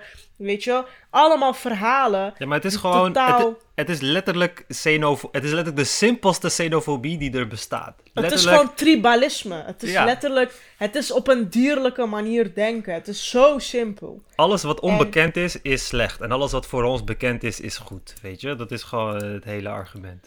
En nog beter was als je uit de familie ging trouwen of uit de eigen kring. Terwijl dat pure incest is. Maar ik heb dat heel mijn leven gehoord dat dat beter is. En dat heel veel familieleden en zo ook letterlijk trouwen met hun achterneef en zo. Ja. Ik heb dat gewoon gezien. Leeftijdsgenoten van mij die trouwen met hun achterneef. Het is zo smerig. Ja, Het ja, is echt zo smerig. En ja, het is nog een wonder dat het, goed, dat het vaak goed gaat. En dat ze niet allemaal gehandicapte kinderen krijgen. Maar... En ik heb ook dat zo erg meegekregen dat ik zelf ook tot heel lang geloofde dat als je uit een bepaalde stad komt, dat je, weet je wel, Trabzon eh, is dit en eh Kayseriler zijn gierig. En wij van Sivas 58 represent. Gewoon al mijn e-mails begonnen met 850, eh, weet je. Lale Ja. 58. Het is gewoon zeg maar het kentekennummer van die stad uit Ja. Turkije. En dan ga je, dat is echt een ding onder Turkse jongeren, dan ga je daarmee koketteren. Omdat Ja. je gelooft dat jouw stad de bom is. Ja. Maar het is zo simpel dat ik er gewoon boos Ja. van word. Ja, ik moet het wel een beetje uitleggen. Dus in Turkije heeft elke stad zijn eigen cijfer. En een kenteken uit die stad begint met die cijfer. En voor Turken is het net zoals wij hier Damsko en Rofwa en Nima of whatever hebben. Weet je, de- iedereen represent zijn eigen stad. Daar is dat veel sterker. En dan zet je die cijfer overal. Dat doen alle Turken. Mijn Instagram is ook nog steeds Umar34, omdat wij uit Istanbul komen.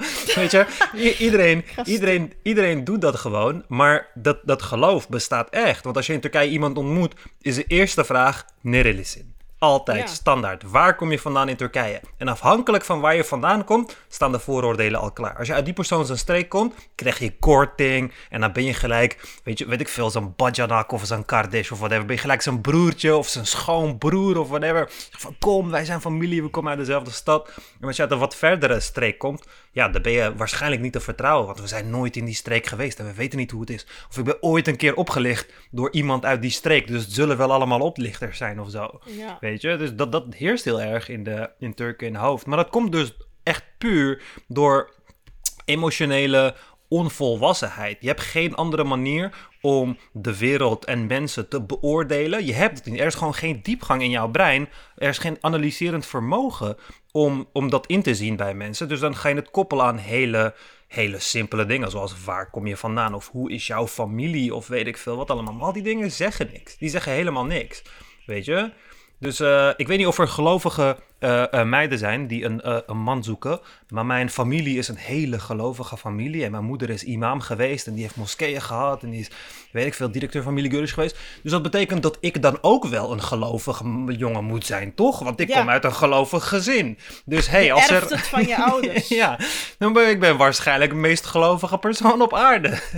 Dus als er Ja. meisjes met hoofddoek zijn die een man zoeken, ik stel mezelf, weet je, ik heb een hele gelovige. Het is zo dom. Het is zo ongelooflijk dom. En wij zien dat. Wij zien vanaf een jonge leeftijd, zien wij in onze communities van, oh, mijn ouders vinden deze familie heel goed of deze dochter heel goed, maar wij weten dat, hè? want wij leven in de echte wereld en wij zien wat die kinderen allemaal doen en wat die families allemaal doen en wij horen de verhalen en dit soort dingen.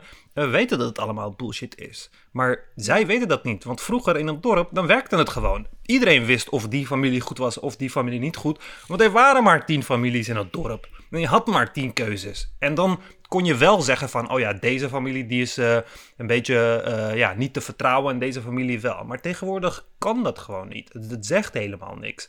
Het hele familieleventje, dat jouw familie dingen voor jou bepaalt en dat jij als je familie wordt, is allemaal bullshit. Is allemaal bullshit.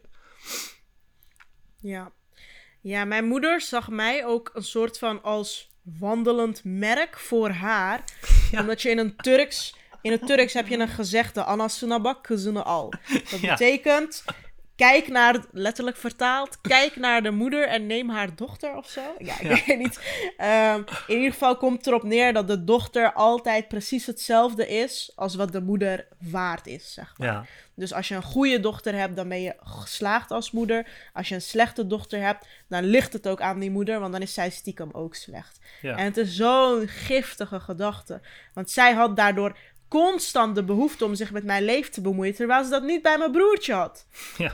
Mijn broertje mocht alles. Al zou hij drugshandelaar worden, oké, misschien dat ze boos zouden worden dan. Maar totdat hij crimineel wordt, zeg maar, daar binnenin, binnen die grens, mocht hij echt alles. Ja. En bij mij mocht ik niks. Dus dat heeft dan da- daarmee te maken. En, ehm, oh ja, wat ik ook heel grappig vond. Ik had één keer in mijn leven een Turks vriendje. Eh, normaal val ik dus, heb ik altijd Nederlandse vriendjes gehad. Maar dat was puur om mijn ouders, zeg maar, een soort van tegemoet te komen. Dat was nog in de fase dat ik 2021 was, geloof ik. En ik had zo'n fase dat ik dacht, weet je wat, er moet gewoon een soort van Turk voor mij rondlopen die bij me past. Ook al val ik eh, op Nederlanders, ik ga dat gewoon negeren. Ik ga gewoon een Turk zoeken die ook een beetje zoals ik is, zodat mijn ouders het accepteren. Op een gegeven moment, na heel veel zoeken, nee grapje, het was gewoon op mijn pad gekomen. En ik had op een gegeven moment een Turks vriendje. Dat is niet lang doorgegaan, maar ik had het wel.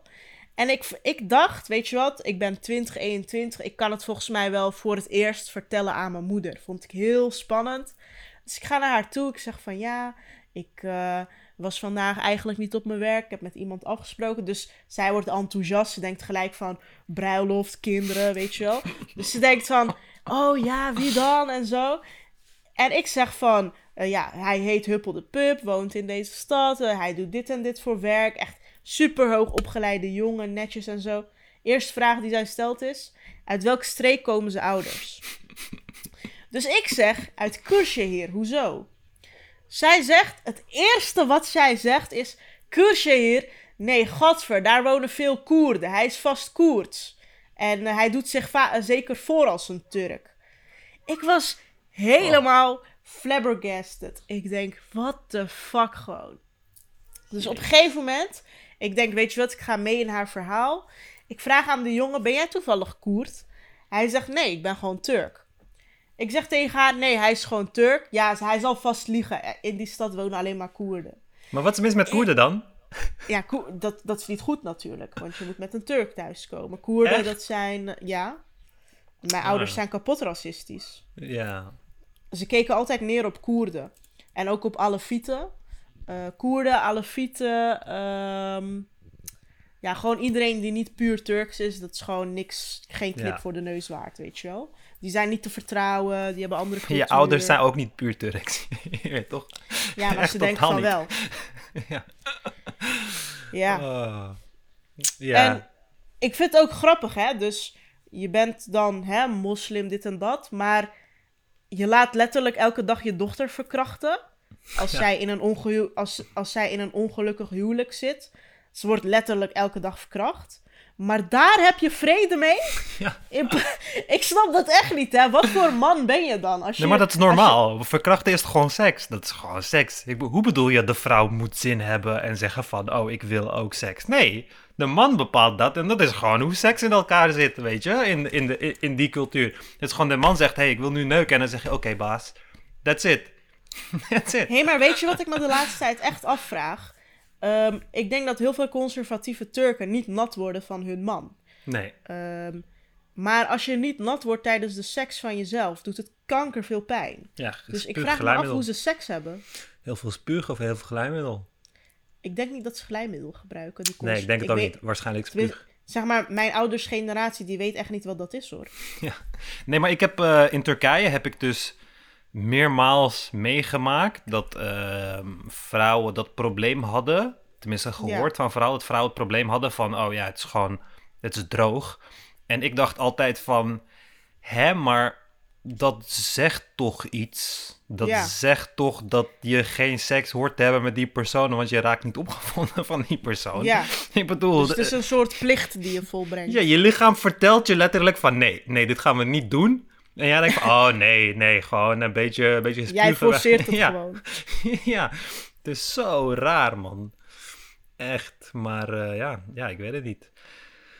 Ja, ik, ik heb dat dus nooit gehad, dus ik kan me er bijna niks bij voorstellen. Maar stel je voor dat je getrouwd bent met iemand die gewoon seks met je wil, maar je wordt niet nat. Dan nou, het lijkt me echt verschrikkelijk. Ja, maar het lijkt me ook faya als man, weet je. Want als man is het gewoon een van de geilste dingen die er bestaat. Gewoon van, weet je, je bent gewoon uh, een beetje aan het uh, fozen en dat soort dingen. Een beetje voorspel. En dan ga je voelen en het is gewoon een, een daar, weet je. Het is gewoon een waterval.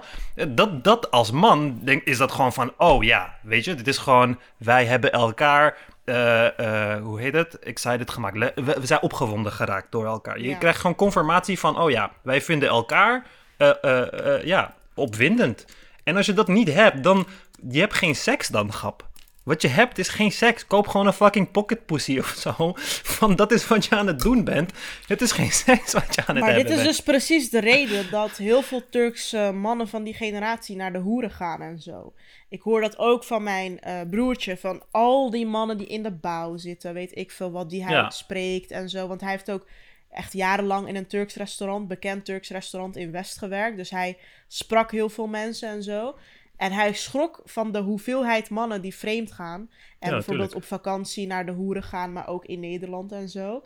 En als hij dan vroeg van, ja maar je bent toch getrouwd, je hebt toch een eh, mooie vrouw en zo. Dan zeiden ze van, ja, maar ja, zij ligt er gewoon en eh, ze wordt niet eens nat en zo. En een hoer, ja, die heeft er echt zin in en die bespringt mij gewoon. Oh ja, die en heeft zo. er de zin in, ja. Ja, zeker. Het gaat waarschijnlijk niet om het feit dat het, dat het gewoon hun baan is, weet je. Ja, maar dat Jezus, zelfs, ze hebben dus meer het idee dat bij een hoer die letterlijk 40 mannen per dag neukt en er helemaal geen zin in heeft, zelfs daarbij hebben ze het idee dat die er zin in heeft. Ja, Wat heb je dan thuis liggen aan een vrouw? Dat Ja. vraag ik me echt oprecht af. En ze zeiden ook dingen als van... Ja, die vrouw van mij thuis, die kreunt niet. Die maakt geen geluid. Die ligt er gewoon bij als een eh, zeester. En eh, hey, maar zou het misschien heel, heel misschien hoor, heel misschien, dit is gewoon een gekke gedachte, maar zou het heel misschien aan jou kunnen liggen, weet je, dan al die ja, dingen of gewoon aan het hele concept van, het, van een ongelukkig huwelijk. En dat je Ja. niet op elkaar verliefd bent. Zo, heel veel huwelijken, vergis je niet, die missen totaal de diepgang. Die Ja. zijn getrouwd. Voor de buitenwereld hebben ze kinderen. Lachen ze naar elkaar. Maar als zij eenmaal naast elkaar in bed liggen, zitten ze niet in, me- in mekaars armen innig te knuffelen of zo. Ja. Ze, hebben, ze hebben gewoon taken voor zichzelf. Hij verdient geld. Zij zorgt voor de kinderen. Maakt eten klaar. Houdt het huis schoon. Ze kijken misschien af en toe een serie. Ze gaan op familiebezoek op suikerfeest. Maar als het s'nachts is en ze liggen bij elkaar, zitten ze niet hun dag te bespreken. Ze hebben gewoon dubbele levens af en toe. Ja. Vooral Ja, je- die mannen. Ja, je mag ook niet als vrouw, hoor je ook niet eh, in zo'n relatie goed te zijn in seks. Want dat is verdacht, weet je? Als jij ja, opeens, als je Ja. fucking goed kan pijpen of zo, opeens je gooit de, de Glock Clock 3000 eruit of zo, weet je? Dan denkt die man van, hé, hey, waar de fuck heb jij dit geleerd? Weet Ja, je? precies. Je hebt het niet met mij geleerd, want wij doen niet aan dit soort dingen. Dus En waar dan is het ook geleerd? niet goed, hè? Dan is het ook niet goed. Want dan ben je weer te sletterig. Je kreunt, je schreeuwt, je pijpt. en Je kut is helemaal nat alsof er een roomboter in heeft gezeten. En dan denkt die man, wat de fuck heb ik voor hoer binnengehaald? Eh, ik wil gewoon een keurige maagd. Maar dan zijn ze ook weer niet tevreden. Dus het is, Ja. aan alle kanten is deze cultuur gewoon achterlijk. Ja, Klaar. ja, maar het komt door de onzekerheid van de man. Altijd. Altijd door de onzekerheid van de man. Want het is niet van, oh, mijn vrouw vindt dit niet opwindend. Dus, weet je, laat me daaraan proberen te werken of zo. Los van dat het je waarschijnlijk niet gaat lukken, omdat de basis gewoon fucked up is.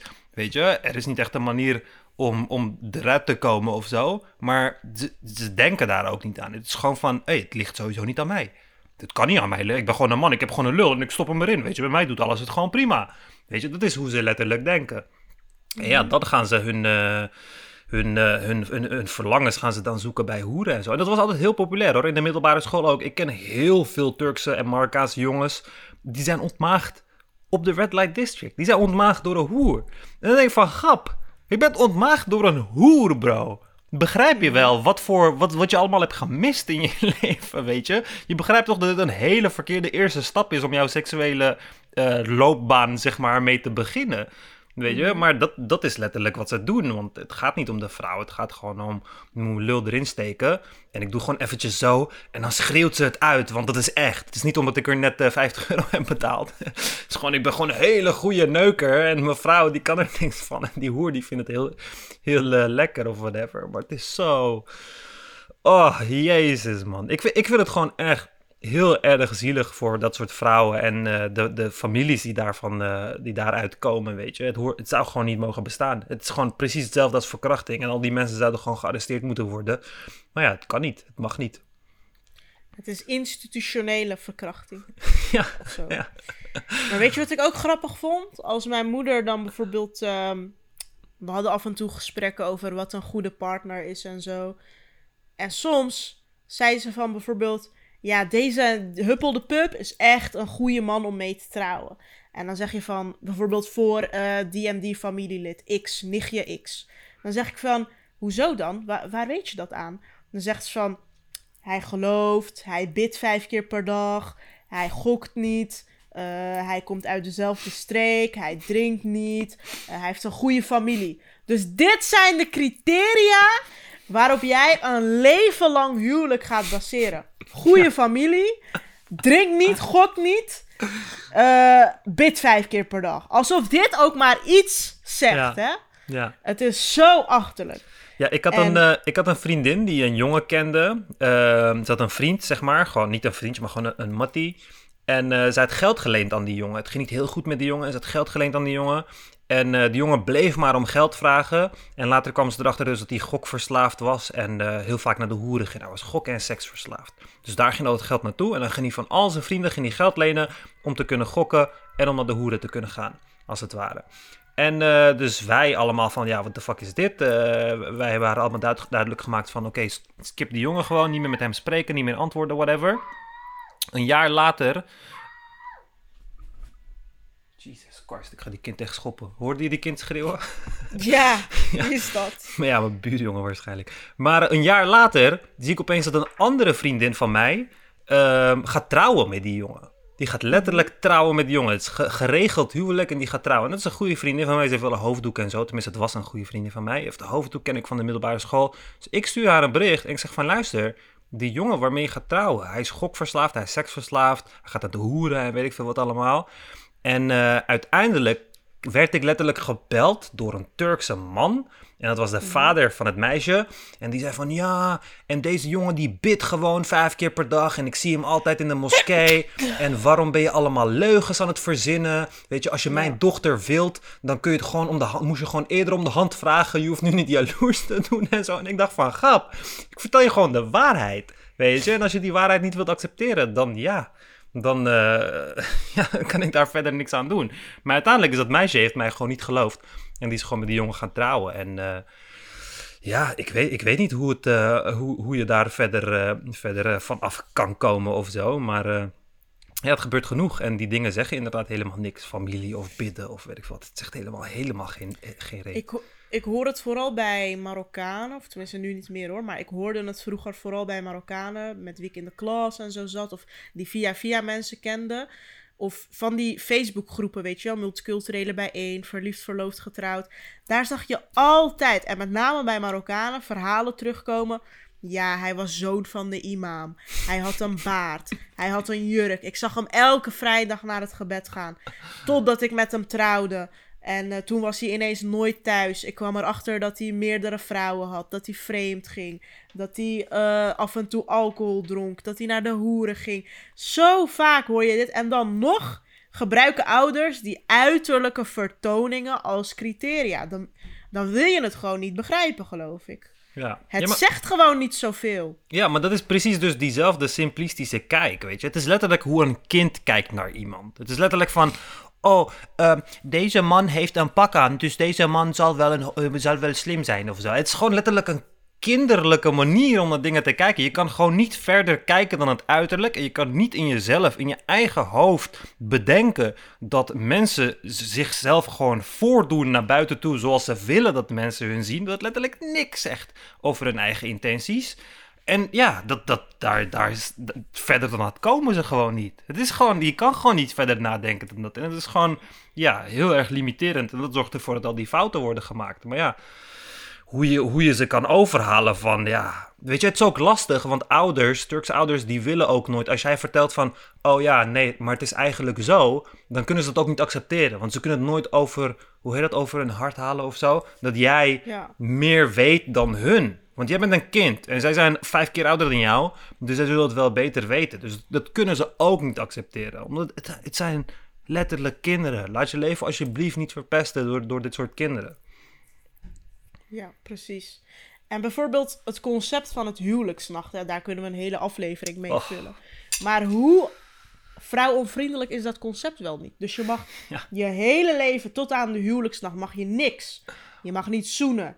Je mag niet de hand vasthouden van een jongen. Je mag niet eh, opgewonden raken. Je mag niet masturberen. Je mag geen porno kijken. Niks, niks. Je mag niet daten, niks. Dan is er plotskaps na je bruiloft, na zo'n hele stressvolle dag. Heb je ineens de huwelijksnacht. Ja, gelijkballen. En dan moet je gelijk seks hebben. Gewoon. What the fuck? Je gaat van nul naar duizend. Dat is. Hoe Ja. kan dat een Ja. vrouwvriendelijk concept zijn? En dan moet je je vooral voorstellen dat onze moeders dat hebben moeten meemaken. Hè? Mhm. Dus in een tijd dat ze helemaal, dat helemaal niks. Kijk, nu kan je nog zeggen, je kan zelf onderzoek doen, weet ik veel wat. In die tijd, vooral als analfabeet, ik heb serieus medelijden met mijn moeder. Ze is Ja. gewoon uit een boerengat in Turkije naar Nederland gekomen. Totaal een land, cultuur, taal die ze niet kent. Met een man die ze net één nacht kent of zo, of één dag. Bruiloft gegeven, huwelijksnacht. Kinderen Ja. krijgen. Eh, ze deden ook natuurlijk niet aan anticonceptie en zo in die tijd. Ja. Tenminste, niet in het begin.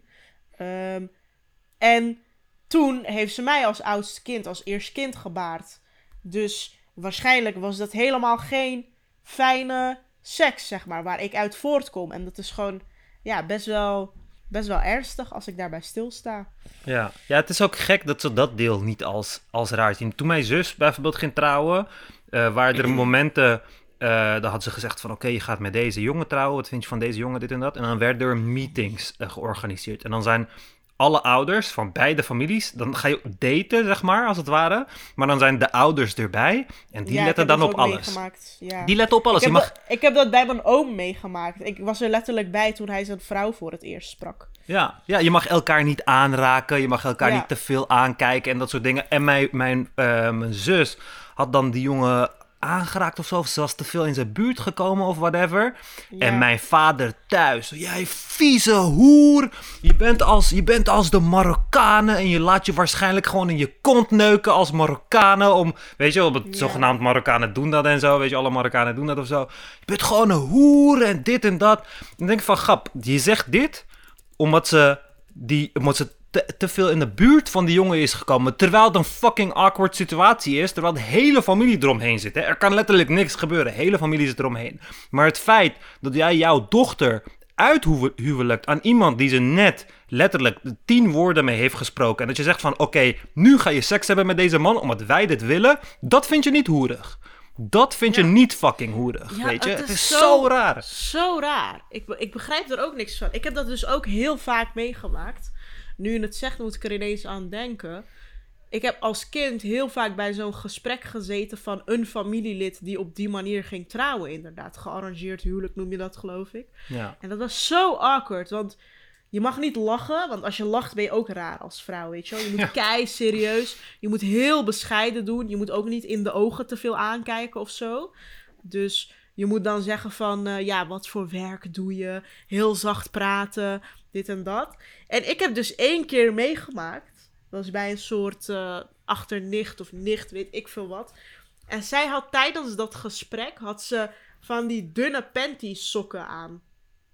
Ehm, en een wat, zeg maar, in plaats van tot aan de enkels jurk, had ze een beetje tot net onder haar knie of zo.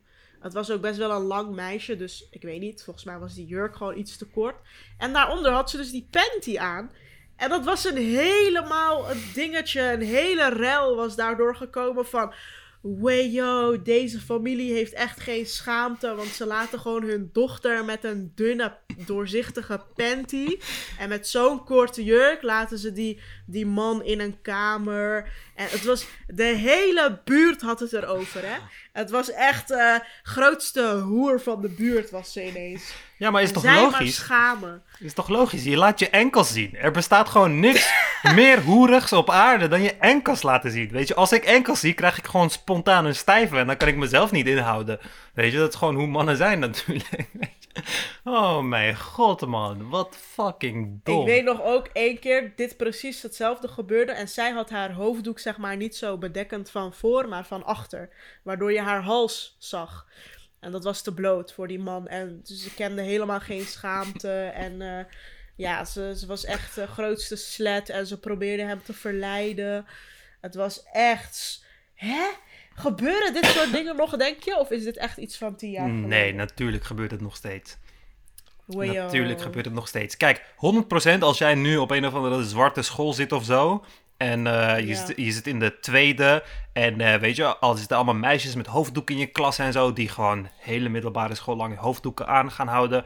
Durf te wedden dat minimaal de helft daarvan zo, zoiets gaat meemaken. Minimaal de helft daarvan. 100%. Ja. Want ze weten zelf ook niet beter. Ze, ze weten zelf ook niet van, hey, hoe kan ik voor mezelf kiezen en mijn eigen leven leiden en mijn eigen man uitkiezen. Dat weten ze niet. Ze, sta- ze, sta- ze zijn gewoon ja, slachtoffer aan de positie waar ze zich in bevinden. En ze, ze hebben meestal geen andere keuze dan erin meegaan. Weet je, mijn zus zou nooit. Je moet je voorstellen, je leeft in het huis van een man die, omdat je te veel in de buurt bij iemand bent gekomen, zegt hij dat je in je kont laat naaien. Dat is letterlijk wat hij tegen je zegt. Dus hoe, Ja. hoe, hoe moet je e- een uitweg daaruit vinden, weet je? Dat gaat niet lukken. Dus zolang die ouders blijven bestaan, gaan er ook kinderen eh, blijven bestaan die in die fouten gaan vallen. En eh, ja, dat is gewoon Ja. fucked up. En daarbuiten, het zijn gewoon mensen die hun kinderen verkopen. Je hebt die neef van mij gesproken. Hij moet goud en geld geven voor dat meisje dat hij wil trouwen. Ze, ze zijn letterlijk hun dochter als een schaap op de markt aan het verkopen. Ja, Mijn vader heeft ook geld betaald voor mijn moeder. Als soort van, ja, geld aan de ouders van mijn moeder. Als soort van, ja, ik wil je dochter hierbij kopen. ja. Het Hey, is eh, gewoon, hey, hoe noem je het ook alweer als je een vrouw geld geeft om seks te hebben met die vrouw? Volgens mij heet dat prostitutie en volgens mij noem je zulke mensen hoeren. Hmm, wat gek. Maar het zijn Nederlanders toch die geen zelfrespect hebben. Het zijn Nederlanders toch die hoeren zijn en dat soort dingen. Het waren de Nederlanders toch? Zijn het Nederlanders die geld geven om, om, om seks te hebben met vrouwen voor, voor de rest van hun leven? Een soort van contract sluiten met ik geef jou 40.000 zodat ik jouw dochter eh, mag palen voor de rest van haar leven? Like, what the fuck man? Je kan toch niet zo fucking blind zijn? Je, je creëert letterlijk islamitische hoertjes. Dat is letterlijk wat je creëert. Maar dat zie je niet. Nee, dat zie je niet. Want mijn dochter die heeft een dak boven haar hoofd. En eh, de, Ja. al, die, al die blonde meisjes op straat, die zijn hoeren, want ze laten hun enkel zien. Jezus, man. Echt. Wanneer ik, dit ik soort, vind het ook... eh, wanneer ik dit soort verhalen hoor van mensen die dan zeggen van mijn ouders zijn dit en dit, dan komt echt die Turk, die agressieve Turk, komt in me boven en ik wil gewoon langs gaan bij al die meisjes thuis en gewoon die vader helemaal de, de grond in tra- Ik word gewoon helemaal para. Je kan niet zo zijn, vriend. Je kan echt niet zo zijn. Kan gewoon niet. Jezus Christus, man. Of, of ehm, nou, ik had... Ik heb sowieso heel veel van dit soort anekdotes, maar... Ik had bijvoorbeeld ook een buurvrouw. Die werd gewoon geslagen door haar man. Ze hield niet van haar man, bla bla bla. En niet alleen buurvrouw, ook gewoon familieleden. Niet altijd fysiek geweld, maar wel in ieder geval dat ze ongelukkig zijn. Ja. En dan gaan ze bijvoorbeeld soort van heel langzaam aan, nadat ze echt eh, jarenlang stil zijn geweest vaak. Dat ze echt zeg maar helemaal in de put zitten, geen uitweg zien, depressief zijn. Gaan ze langzaam aan hun mond open doen tegenover andere vrouwen. Of bijvoorbeeld hun moeder of zo. Dan zeggen ze van, eh, ja, ik wil het eigenlijk niet zeggen, maar ja, ik ben eigenlijk ongelukkig. Of ik heb problemen met mijn man, of het loopt niet zo soepel. En het enige wat je dan te horen krijgt van die vrouwen, die zogenaamd ouder zijn en wijzer zijn, is: "Sst, niet te veel zeggen. eh, straks komen de roddels. Houd Mhm. voor je. eh, je hebt een dak boven je hoofd. Wees blij. Hij zorgt voor jouw kinderen. Hij mishandelt je niet. Hij eh, brengt gewoon brood op de plank. Wat ga je zeuren? Je moet af en toe geduld hebben als vrouw. Je moet niet te veel willen. Je moet niet te veel willen in het leven. Wij hebben allemaal geduld gehad met onze man. Denk je dat het alleen maar uh, roze kleur en maneschijn was toen ik met je vader jou had opgevoed? Denk je dat? Nee hoor. Wij hadden ook elke dag ruzie. Maar kijk, ik leef nog. Ik besta.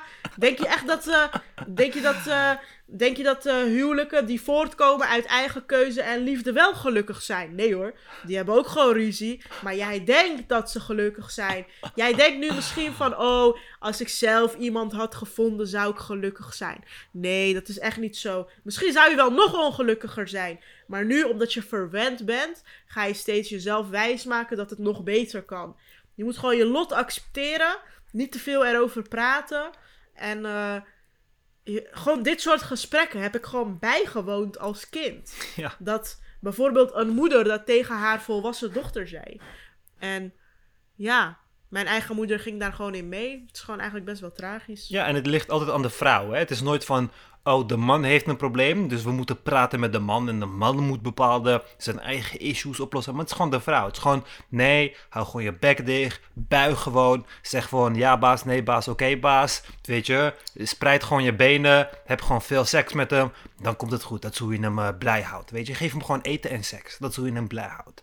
Dat is Ja. letterlijk, maar ja. Of weet je wat ook heel misleidend is? Dat ze zeggen je moet eh sabber hebben. Dus geduld. En je moet bidden. En je moet op God vertrouwen dat het goed komt. Hoe wil je dat het goed komt door te bidden en geduld te hebben? Dat is gewoon.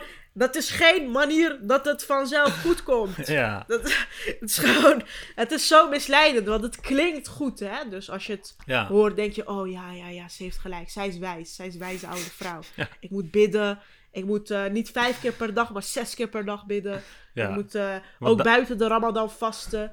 Ik moet eh, naar de moskee gaan. En dan ga ik het vanzelf vergeten, mijn problemen. Ja, want je ziet natuurlijk om je heen dat hoe meer al die Turkse vrouwen bidden en naar de moskee gaan, hoe gelukkiger ze zijn in hun relatie natuurlijk. Weet je, je ziet natuurlijk overduidelijk dat God luistert naar al die gebeden en dat soort dingen. Want al die Turkse vrouwen die zijn oh zo gelukkig. Het is zo dom. Het is gewoon van, hey, je kan letterlijk niks veranderen aan je situatie, maar doe gewoon dit. Dit doet helemaal niks, maar doe gewoon dit. Dan voelt het alsof je er nog iets tegenaan doet of zo. Weet je, that's it. That's it. Ja. Het is zo, oh, jezus man. Maar weet je wat me dan verbaast? Als ik bijvoorbeeld denk aan mijn eigen ouders, maar ook aan mijn oma en opa. Mijn oma en opa schelden elkaar continu uit. En ze zijn de hele dag boos op elkaar. Je zou nooit denken dat zij kinderen hebben, getrouwd zijn. ja. Weet je wat? Ze haten elkaar. Zo komt het over. Ze Ja. schelden elkaar letterlijk uit. Nou, Mijn moeder en vader, oké, die schelden elkaar niet uit, maar zelfde manier. Je ziet geen sprankeltje liefde tussen hun. Het is gewoon een soort zakelijk huishouden besturen. Ja. Hij brengt geld, zij maakt het eten. Oké, eh, samen voor de tv zitten, af en toe ruzie maken omdat je elkaars familie haat. That's it. En dan denk ik van, dus je leeft zelf in zo'n systeem, maar je wilt het ook per se aan je dochter geven. Waar komt dat vandaan? Dat snap ik niet. ja, maar dat komt door diezelfde gedachtegang van, oh, want dat is die hele islamitische ding, hè, van...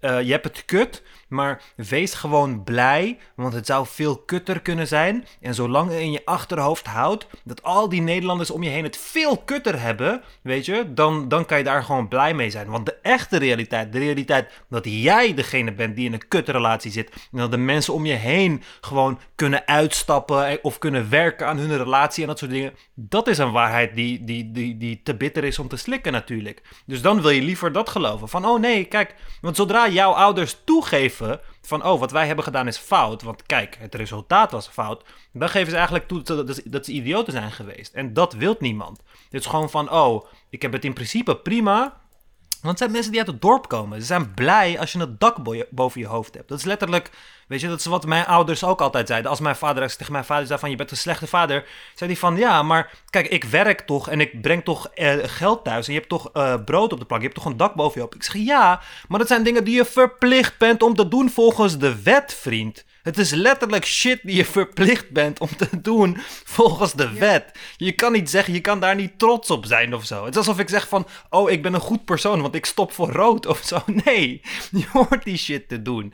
Weet je, maar dat kunnen ze niet, dat kunnen ze zelf niet accepteren. Ze kunnen niet accepteren dat ze gewoon fucking fout bezig zijn. Dus dan is het gewoon van de, de islamitische ding van, oh nee, wees gewoon blij. Want voor hetzelfde geld zou je ook in Afrika kunnen zitten en geen dak boven je hoofd kunnen hebben of zo. Oh, hou gewoon je fucking ja. bek dicht, man.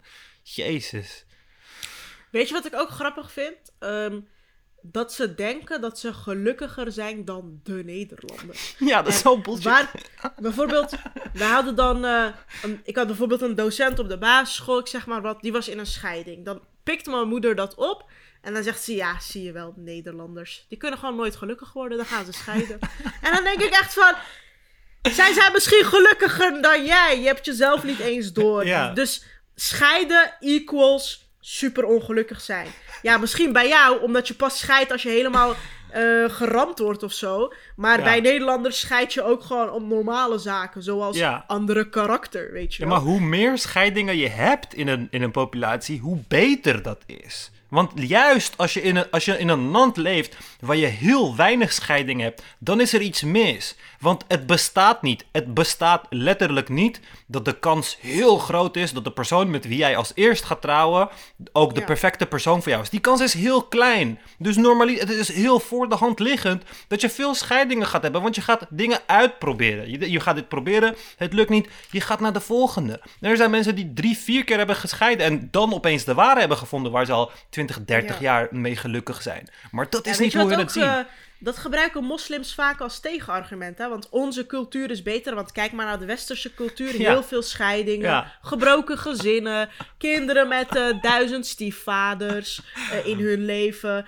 Bla, wat een vieze cultuur. Uh, je hebt geen houvast. Wij hebben lekker ons hele leven lang geen scheiding. Alsof dat geluk aangeeft. Dus het feit dat je niet scheidt dat, ja. dat zegt helemaal niet zoveel. Ja, ik weet dat echt. jongen, als mijn ouders zouden dan moeten scheiden voordat ik geboren was, waarschijnlijk. En ik heb echt het leed uh, meegemaakt van wat er gebeurt als je niet scheidt. Je scheidt gewoon niet. Je denkt, dit werkt niet. Maar we gaan niet scheiden, want wat gaan de mensen om ons heen zeggen? Want als we zijn gescheiden, betekent dat dat we failures zijn. Maar laten we gewoon thuis lekker elke dag elkaar de hemd vol uitschelden, nul respect hebben, nul seks, nul liefde, je kinderen daarmee laten opgroeien, zolang de buitenwereld maar denkt van, oh kijk, ze hebben een dak boven hun hoofd en vijf kinderen, dus ze zijn gelukkig. Rot een fucking eind op man, Jezus Christus. Ja, of de dingen waaraan ze een kwalitatief huwelijk ophangen. Dus mijn moeder zei dan van, ja, jullie moeten echt blij zijn dat, uh, dat ik bijvoorbeeld niet werk en je vader alleen werkt en dat we geen Nederlanders zijn. En dan denk je van, waarom? En dan zegt ze, kijk maar naar de buren. Die hebben gewoon een oppas voor hun kind.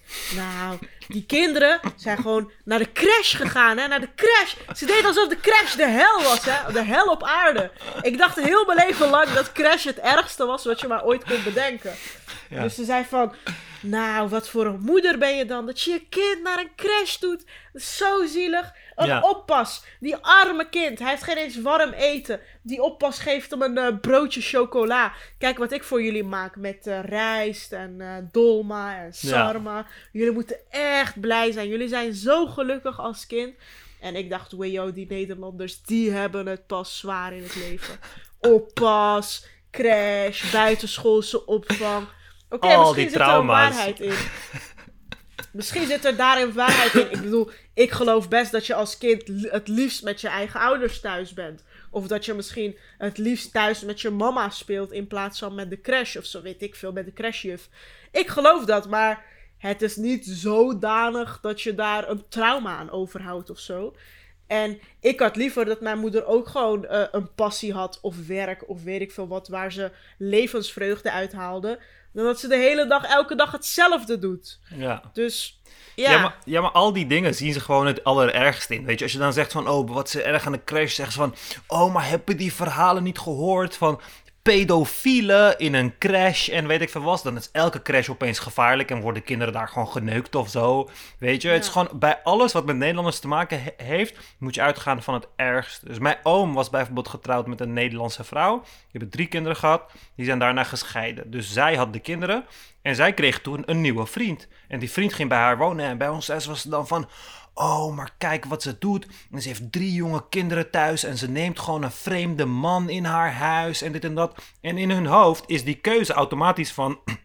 Oh ja, die man gaat die kinderen verkrachten. Die man is 100% een pedofiel en die gaat die kinderen verkrachten, weet je? Want het zijn Nederlanders en dat gebeurt bij Nederlanders. Weet je, dat is letterlijk de dingen die ze in hun hoofd hebben. Van alles wat de Nederlanders doet, zien ze het allerslechtste in. En alles wat de Turken doen, zien ze alleen het aller, allerbeste in. Terwijl ik denk van, ja, jongens, het is toch overduidelijk wat, wat het eindproduct is van al je fucking zogenaamd goede keuzes en zo. Het is toch duidelijk dat het Mhm. totaal niet heeft gewerkt. Maar dat zien ze niet.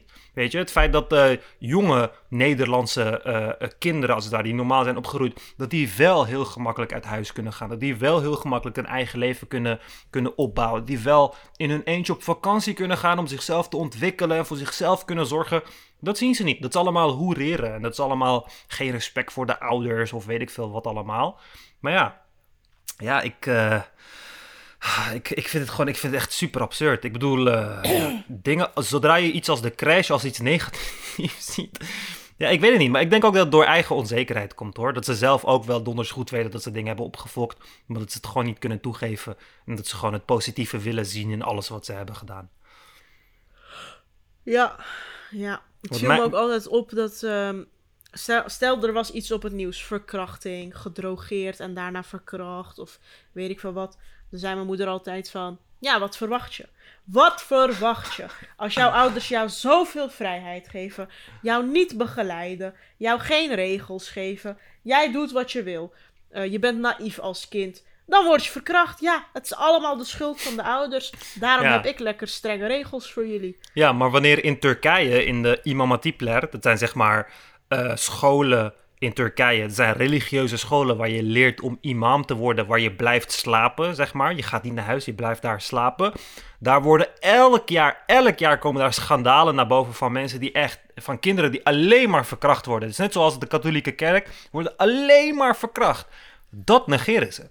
Dat negeren ze. Dan is het niet van, oh, maar wat verwacht je als je je kind aan een of andere imam eh, geeft eh, en hem daar laat slapen zonder toezicht? Daar denken ze niet aan. Weet je, daar denken ze totaal niet aan. Maar zodra het iets Nederlands is, oh nee, dan, dan is het allemaal logisch en weet ik veel wat allemaal. Weet je, het is zo een bekrompen visie op de realiteit. Het is echt niet normaal.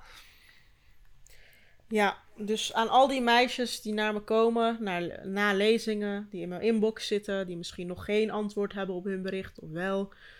Het is gewoon, kies alsjeblieft voor jezelf. En als je dat niet doet, wees daar ook gelukkig in. Dus kies hetgeen waar jij gelukkig in bent.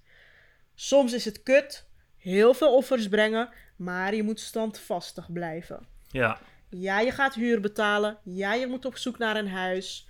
Ja, het kan, eh, weet ik, je gaat geen familie meer hebben. Maar mijn tip is gewoon: verdwijn van de aardbodem. Kijk niet meer om. Eh, als je omkijkt, ga je nooit zo'n beslissing echt kunnen maken. Je moet altijd vooruit kijken, niet achterom. Het is heel cliché, maar het is echt zo. Focus je op jezelf, op je doelen, op je toekomst, op je geluk. En ja, Ja, het allerbelangrijkste is financieel stabiel zijn. Dat doe je door zoveel mogelijk eh, lenen van je studie en werken. Dan ben je financieel stabiel. Dat lost al heel veel van je problemen op. En ehm, als je twijfelt, kijk, mensen die ja, zeg maar de ballen niet hebben als het ware. Wat je heel erg veel gaat doen, is die shit uitstellen. Dat je denkt van oké, maar dit moet ik nog doen of dit moet ik nog weten of ik moet nog antwoord op deze vraag of whatever. En dan pas ga ik dat doen. Maar als je merkt dat je elke keer redenen zoekt en het uitstelt, dan ben je een beetje jezelf voor de gek aan het houden. Dus het is gewoon belangrijk om die knoop door te hakken en ja het gewoon dat te doen. ik ook heel veel. Ja, Ja, dat en, het is veel. heel belangrijk om te realiseren. Kijk, dit is ook voor. Want er zijn mensen. Ik heb het hier met Lale ook over gehad. Ik en Lale zijn mensen die nooit berichten sturen naar iemand of zo. Ook al ben ik een grote fan van iemand. Of denk ik van deze persoon kan mij helpen of whatever. Of die zit in hetzelfde schuitje. Wij zijn niet van die mensen die berichten sturen en praten of om advies vragen of whatever. En ik weet zeker dat heel veel van onze luisteraars dat ook zijn. Weet je, want ik krijg wel eens berichten van mensen die dan zeggen van... hé, hey, ik stuur nooit een bericht, maar deze keer wel.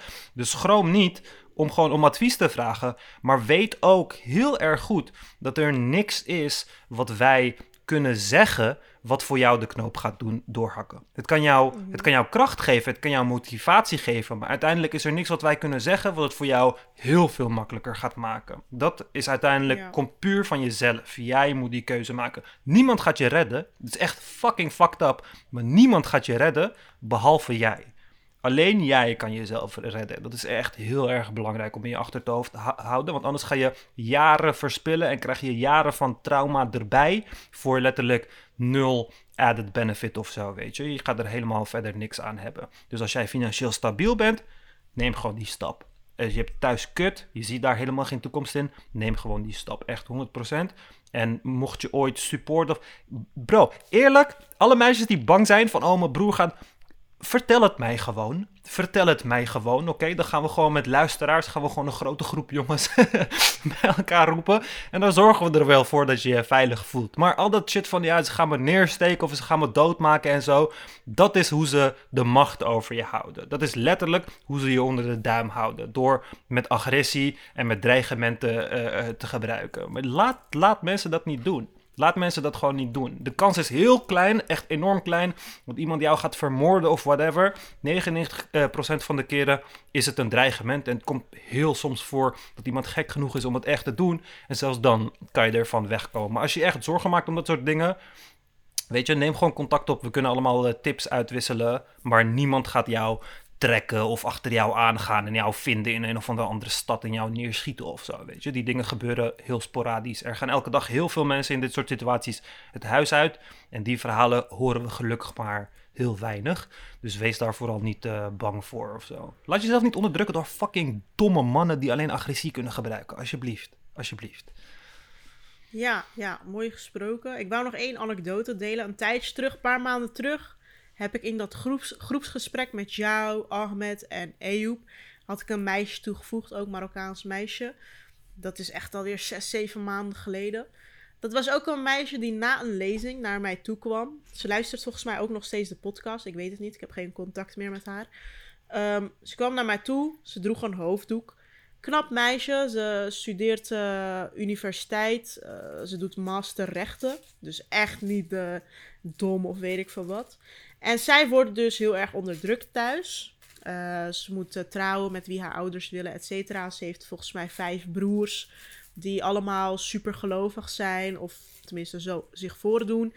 En zij wilde heel graag de wereld rondreizen. Ze wil geen hoofddoek dragen. Ze wil zich kleden zoals ze wil. Ze heeft een avondklok. Ze is bijvoorbeeld één keer bij mij thuis geweest. Um, omdat ik haar heel erg mocht. En toen moest ze ook alweer vroeg weg, want het werd alweer donker en ze had alweer uh, duizend gemiste oproepen, weet ik veel wat. Dus gewoon een onderdrukt meisje. Klassiek voorbeeld.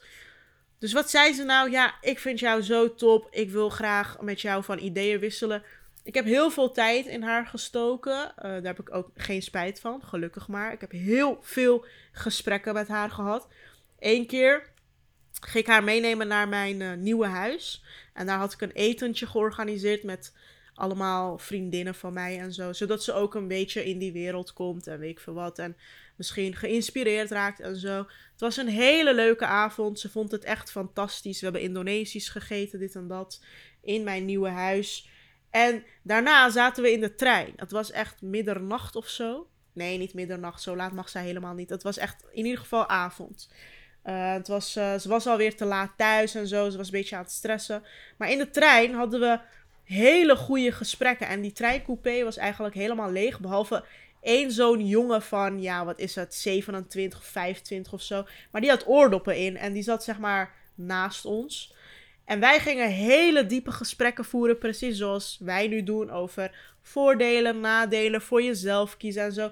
Want zij had echt hele rare plannen. Ze wilde zeg maar iemand vinden die Marokkaans is en uit een moslimgezin komt, maar die eigenlijk niet gelooft, zeg maar net als haar, dus die atheïstisch is. Daarmee wou ze een heel toneelstuk, dus met diegene trouwen en dat ze dan zeg maar, haar ouders tevreden stelt. En dat ze dan kan doen wat ze wil.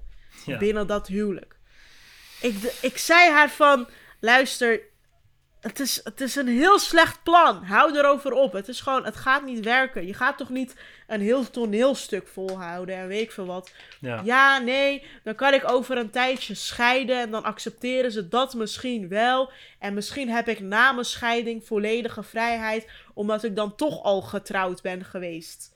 Het is zo.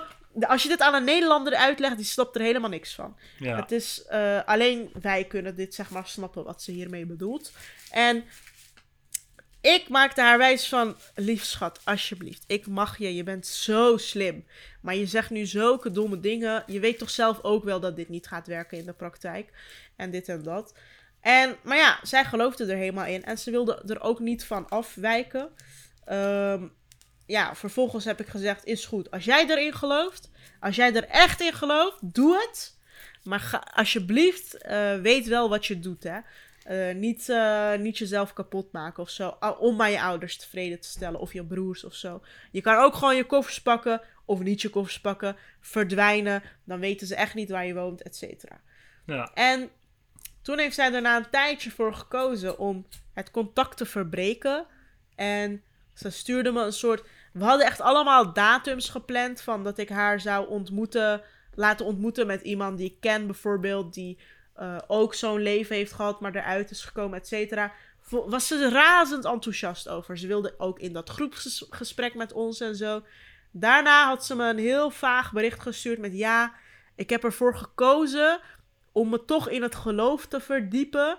En ehm, ja, sorry, ehm, het was heel gezellig dit en dat, maar ik, ik durf het toch niet. Of weet ik veel wat, een heel lang bericht, ik weet het niet eens meer. Toen dacht ik, oké, weet je wat, whatever. Ik heb gedaan wat ik kan, weet je. Je kan ook niet meer doen dan dit. Zij moet zelf uitvogelen. Ehm, dus ik heb toen maandenlang geen contact met haar gehad. En ik ben bang dat ze dit plan echt wil uitvoeren. Maar zo erg kan dat zijn, hè? Dus dat je zo intelligent bent, maar zulke domme acties gaat doen, omdat je zo bang bent voor je ouders. Het is, Ja. ehm, ja, maar je ziet ook geen andere uitweg, weet je. Het is letterlijk de enige mogelijkheid voor je. En dat Ja. komt ook omdat je dus niet... Ja, je hebt geen ervaringen van mensen die dat, datzelfde hebben meegemaakt. Dus je moet het voor jezelf uitvogelen. Weet je, daarom... Ik denk dat wat jij eh, met haar van plan was, dat ook heel goed had kunnen werken... als ze met iemand had ge- gesproken die hetzelfde had meegemaakt. Want ja, dat is wat je ervan krijgt. Als je, als je geen steun daarin kan vinden of geen voorbeelden van mensen die het wel is gelukt, ja, dan moet je wel je eigen kant op gaan. En als je dan ook nog die inner critic vo- voice in je hoofd hebt, van oh, wat je nu doet is echt slecht. En ja, je ouders zijn super belangrijk in het geloof. En ja, je bent ze nu aan het, eh, weet ik veel wat. eh, dan ja, dat, dat gaat aan je knagen. En als je, als je daar niet mee eh, doorgaat. Dat is ook het probleem, hè? want zodra je tijd wilt steken in dat soort mensen, om ze als het ware te redden, dan moet je die tijd erin blijven steken. Het is echt een, Ja. het is best wel een hele onderneming. Want zodra jij eventjes geen tijd erin steekt, dan glijden ze weer terug naar de andere kant. Want het is gewoon heel angstig en het is Ja. gewoon heel eh, onzeker. Je moet eigenlijk een soort van 24 uur iemand persoonlijk begeleiden. Mhm. Wil je dat ze geen domme keuzes maakt? Want ze is gewoon in een fase dat ze heel erg in een spagaat zit. En nog niet de ballen, de moed, de wilskracht heeft om gewoon voor zichzelf te gaan. En wat ik dus vertelde van die jongen in de trein en zo, dat heb ik trouwens niet afgemaakt. Op een gegeven moment gingen we uitstappen uit de trein en de jongen naast ons ging ook uitstappen. En wij dachten van ja, die, want hij was de hele weg stil, hij heeft niet naar ons gekeken of zo, hij had oordoppen in. Wij dachten, oh, hij heeft niks gehoord. Op een gegeven moment komt die Nederlandse jongen naar ons toe. Hij zegt van, wow, jullie hebben zo een gesprek gehad. Ik heb nog nooit zo'n diep gesprek in mijn leven gehoord. Hij zei van, ik, ik ben echt totaal fan van jullie geworden. Het is echt zo intelligent wat jullie allemaal zeiden. Zo respectvol hoe jullie op elkaar ingingen. Andere mening, maar toch zo. Alle... En ik kon zeg maar in allebei kon ik me heel goed voorstellen wat jullie bedoelden. Aan de ene kant Lale natuurlijk, dat ze zegt van kies voor jezelf en zo. Maar ik snap ook heel goed wat jij zegt. En het is zo respectvol, zo intelligent. Jullie spreken gewoon beter Nederlands dan ik en weet ik veel wat. Want we gingen ook op een gegeven moment echt heel erg de wetenschap in en weet ik veel wat. En ehm, ja, dat vond ik heel lief van hem, die jongen. En eh, hij zei ook van, ja, jeetje, ik zou echt niet weten hoe dit voelt. Ik ben altijd zo vrij opgevoed. En echt Ja. jammer dat bijvoorbeeld in de media en zo we nooit dit soort gesprekken zien. Want ik heb nu in één treinreis veel meer geleerd over dit soort dilemma's dan dat ik ooit in mijn leven over de islam en de hoofddoek heb geleerd. En eh, dank jullie wel daarvoor en zo. was echt zo'n aardige jongen. En die was gewoon helemaal een soort van in shock, omdat hij nog nooit zoiets heeft gehoord. Dat je zulke keuzes moet maken in je leven en zo. Ja. En eh, ja, het was een eh, mooie dag. En ik had toen gehoopt dat, ja, dat zij. eh, ja, dat ze misschien voor de vrijheid zou kiezen. Maar ik weet niet. Ze heeft me trouwens laatst wel weer voor het eerst geappt van dat ze wil afspreken. Dus wie weet, ik weet het niet.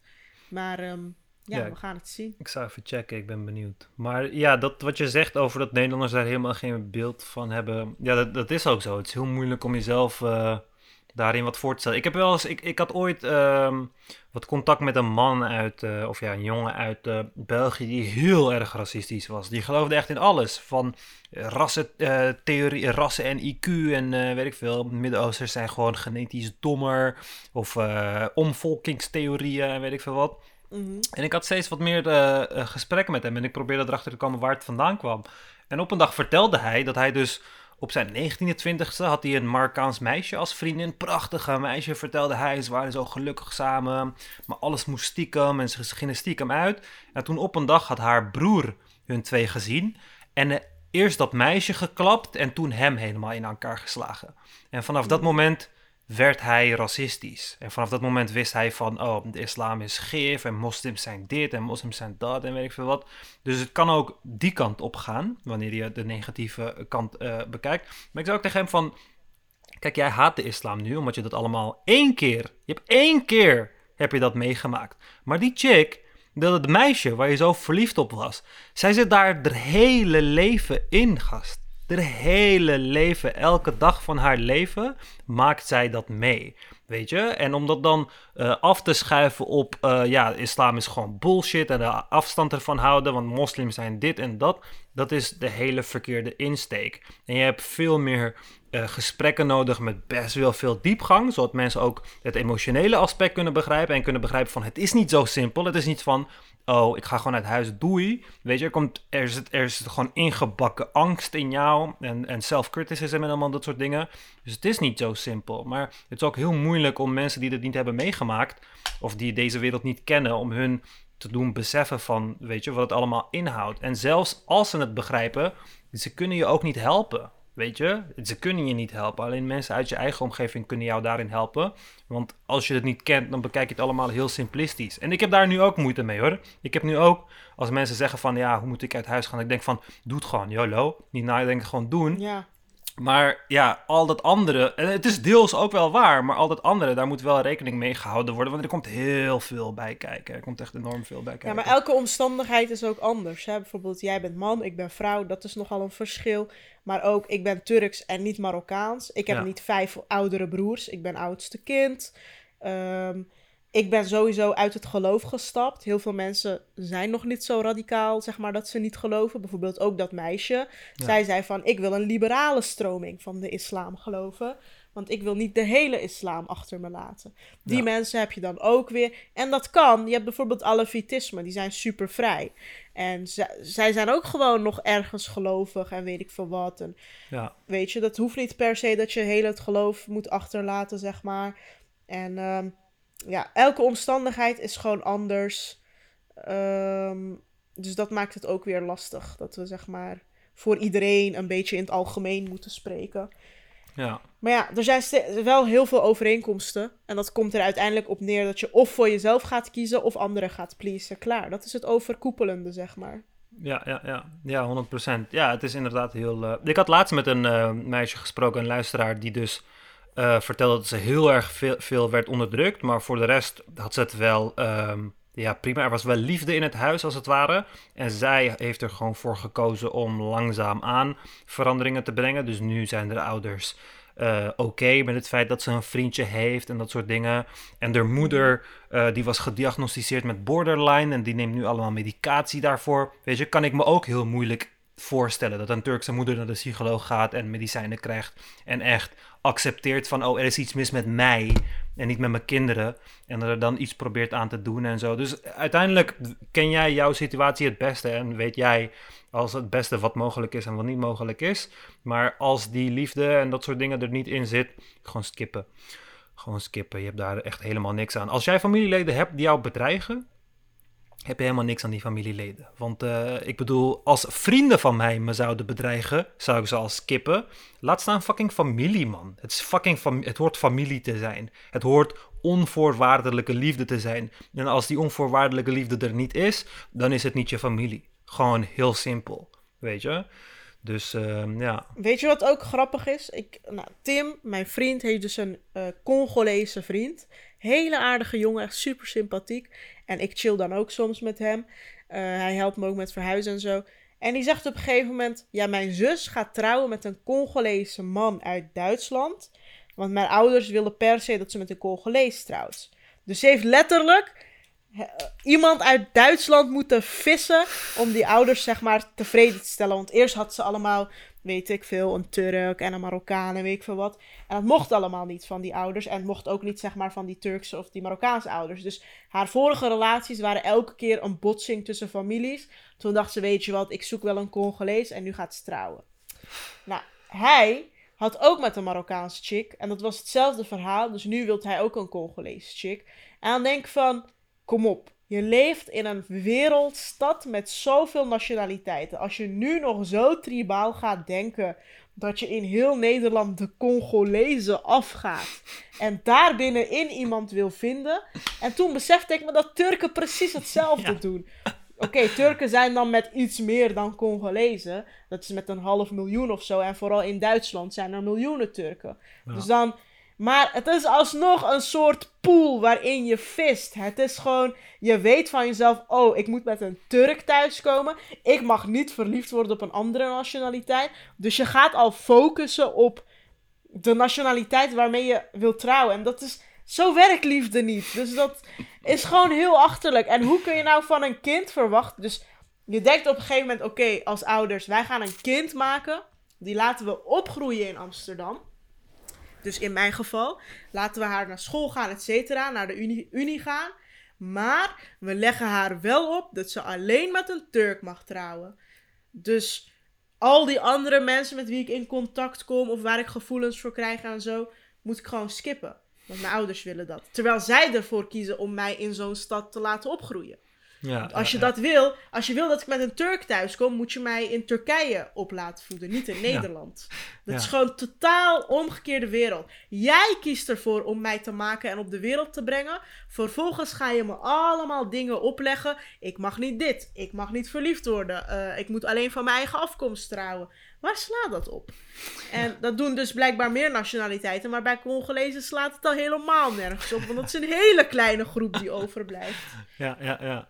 Ja, en het blijft nooit daarbij. Hè? Het blijft nooit alleen bij afkomst. Het is daarna ook van ook welke religie en welke buurt en welke cultuur en dit en dat. Dat is altijd zo. Want ik heb altijd met Turkse meisjes, uh, of ja, eigenlijk Koerdisch uh, Turkse meisjes gedate. En was ook nooit prima, want ze, waren niet, ze kwamen niet uit een religieus gezin.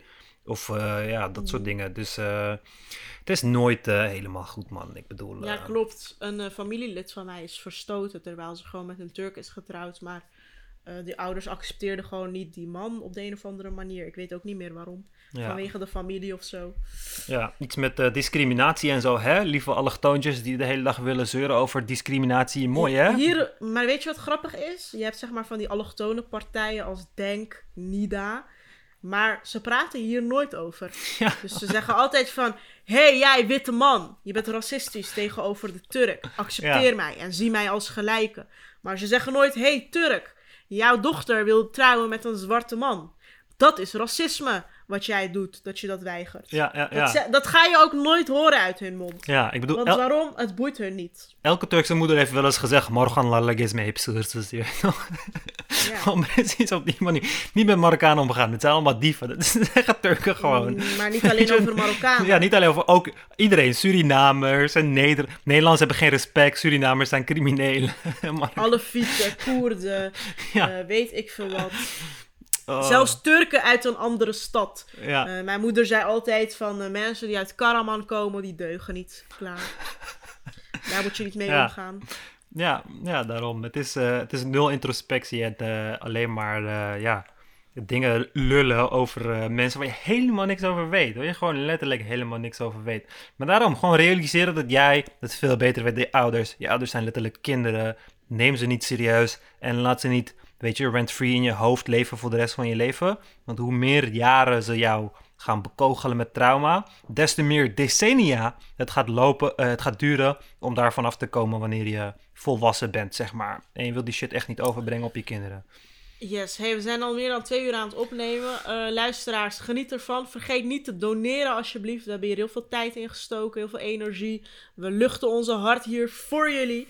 Dus doneren kan op ikgaleven.backme.org. We hebben het hard nodig. De donaties gaan achteruit. Al het geld gaat naar Eumer, want hij moet het bewerken. En hij stopt er heel veel tijd in. Veel meer dan ik. Ehm, we hebben ook nog allemaal apparatuur aangeschaft, et cetera. We zijn nog lang niet uit de kosten. Dus steun ons alsjeblieft. Ehm, en doe dat vooral met een abonnement, zodat het ook blijvende steun blijft.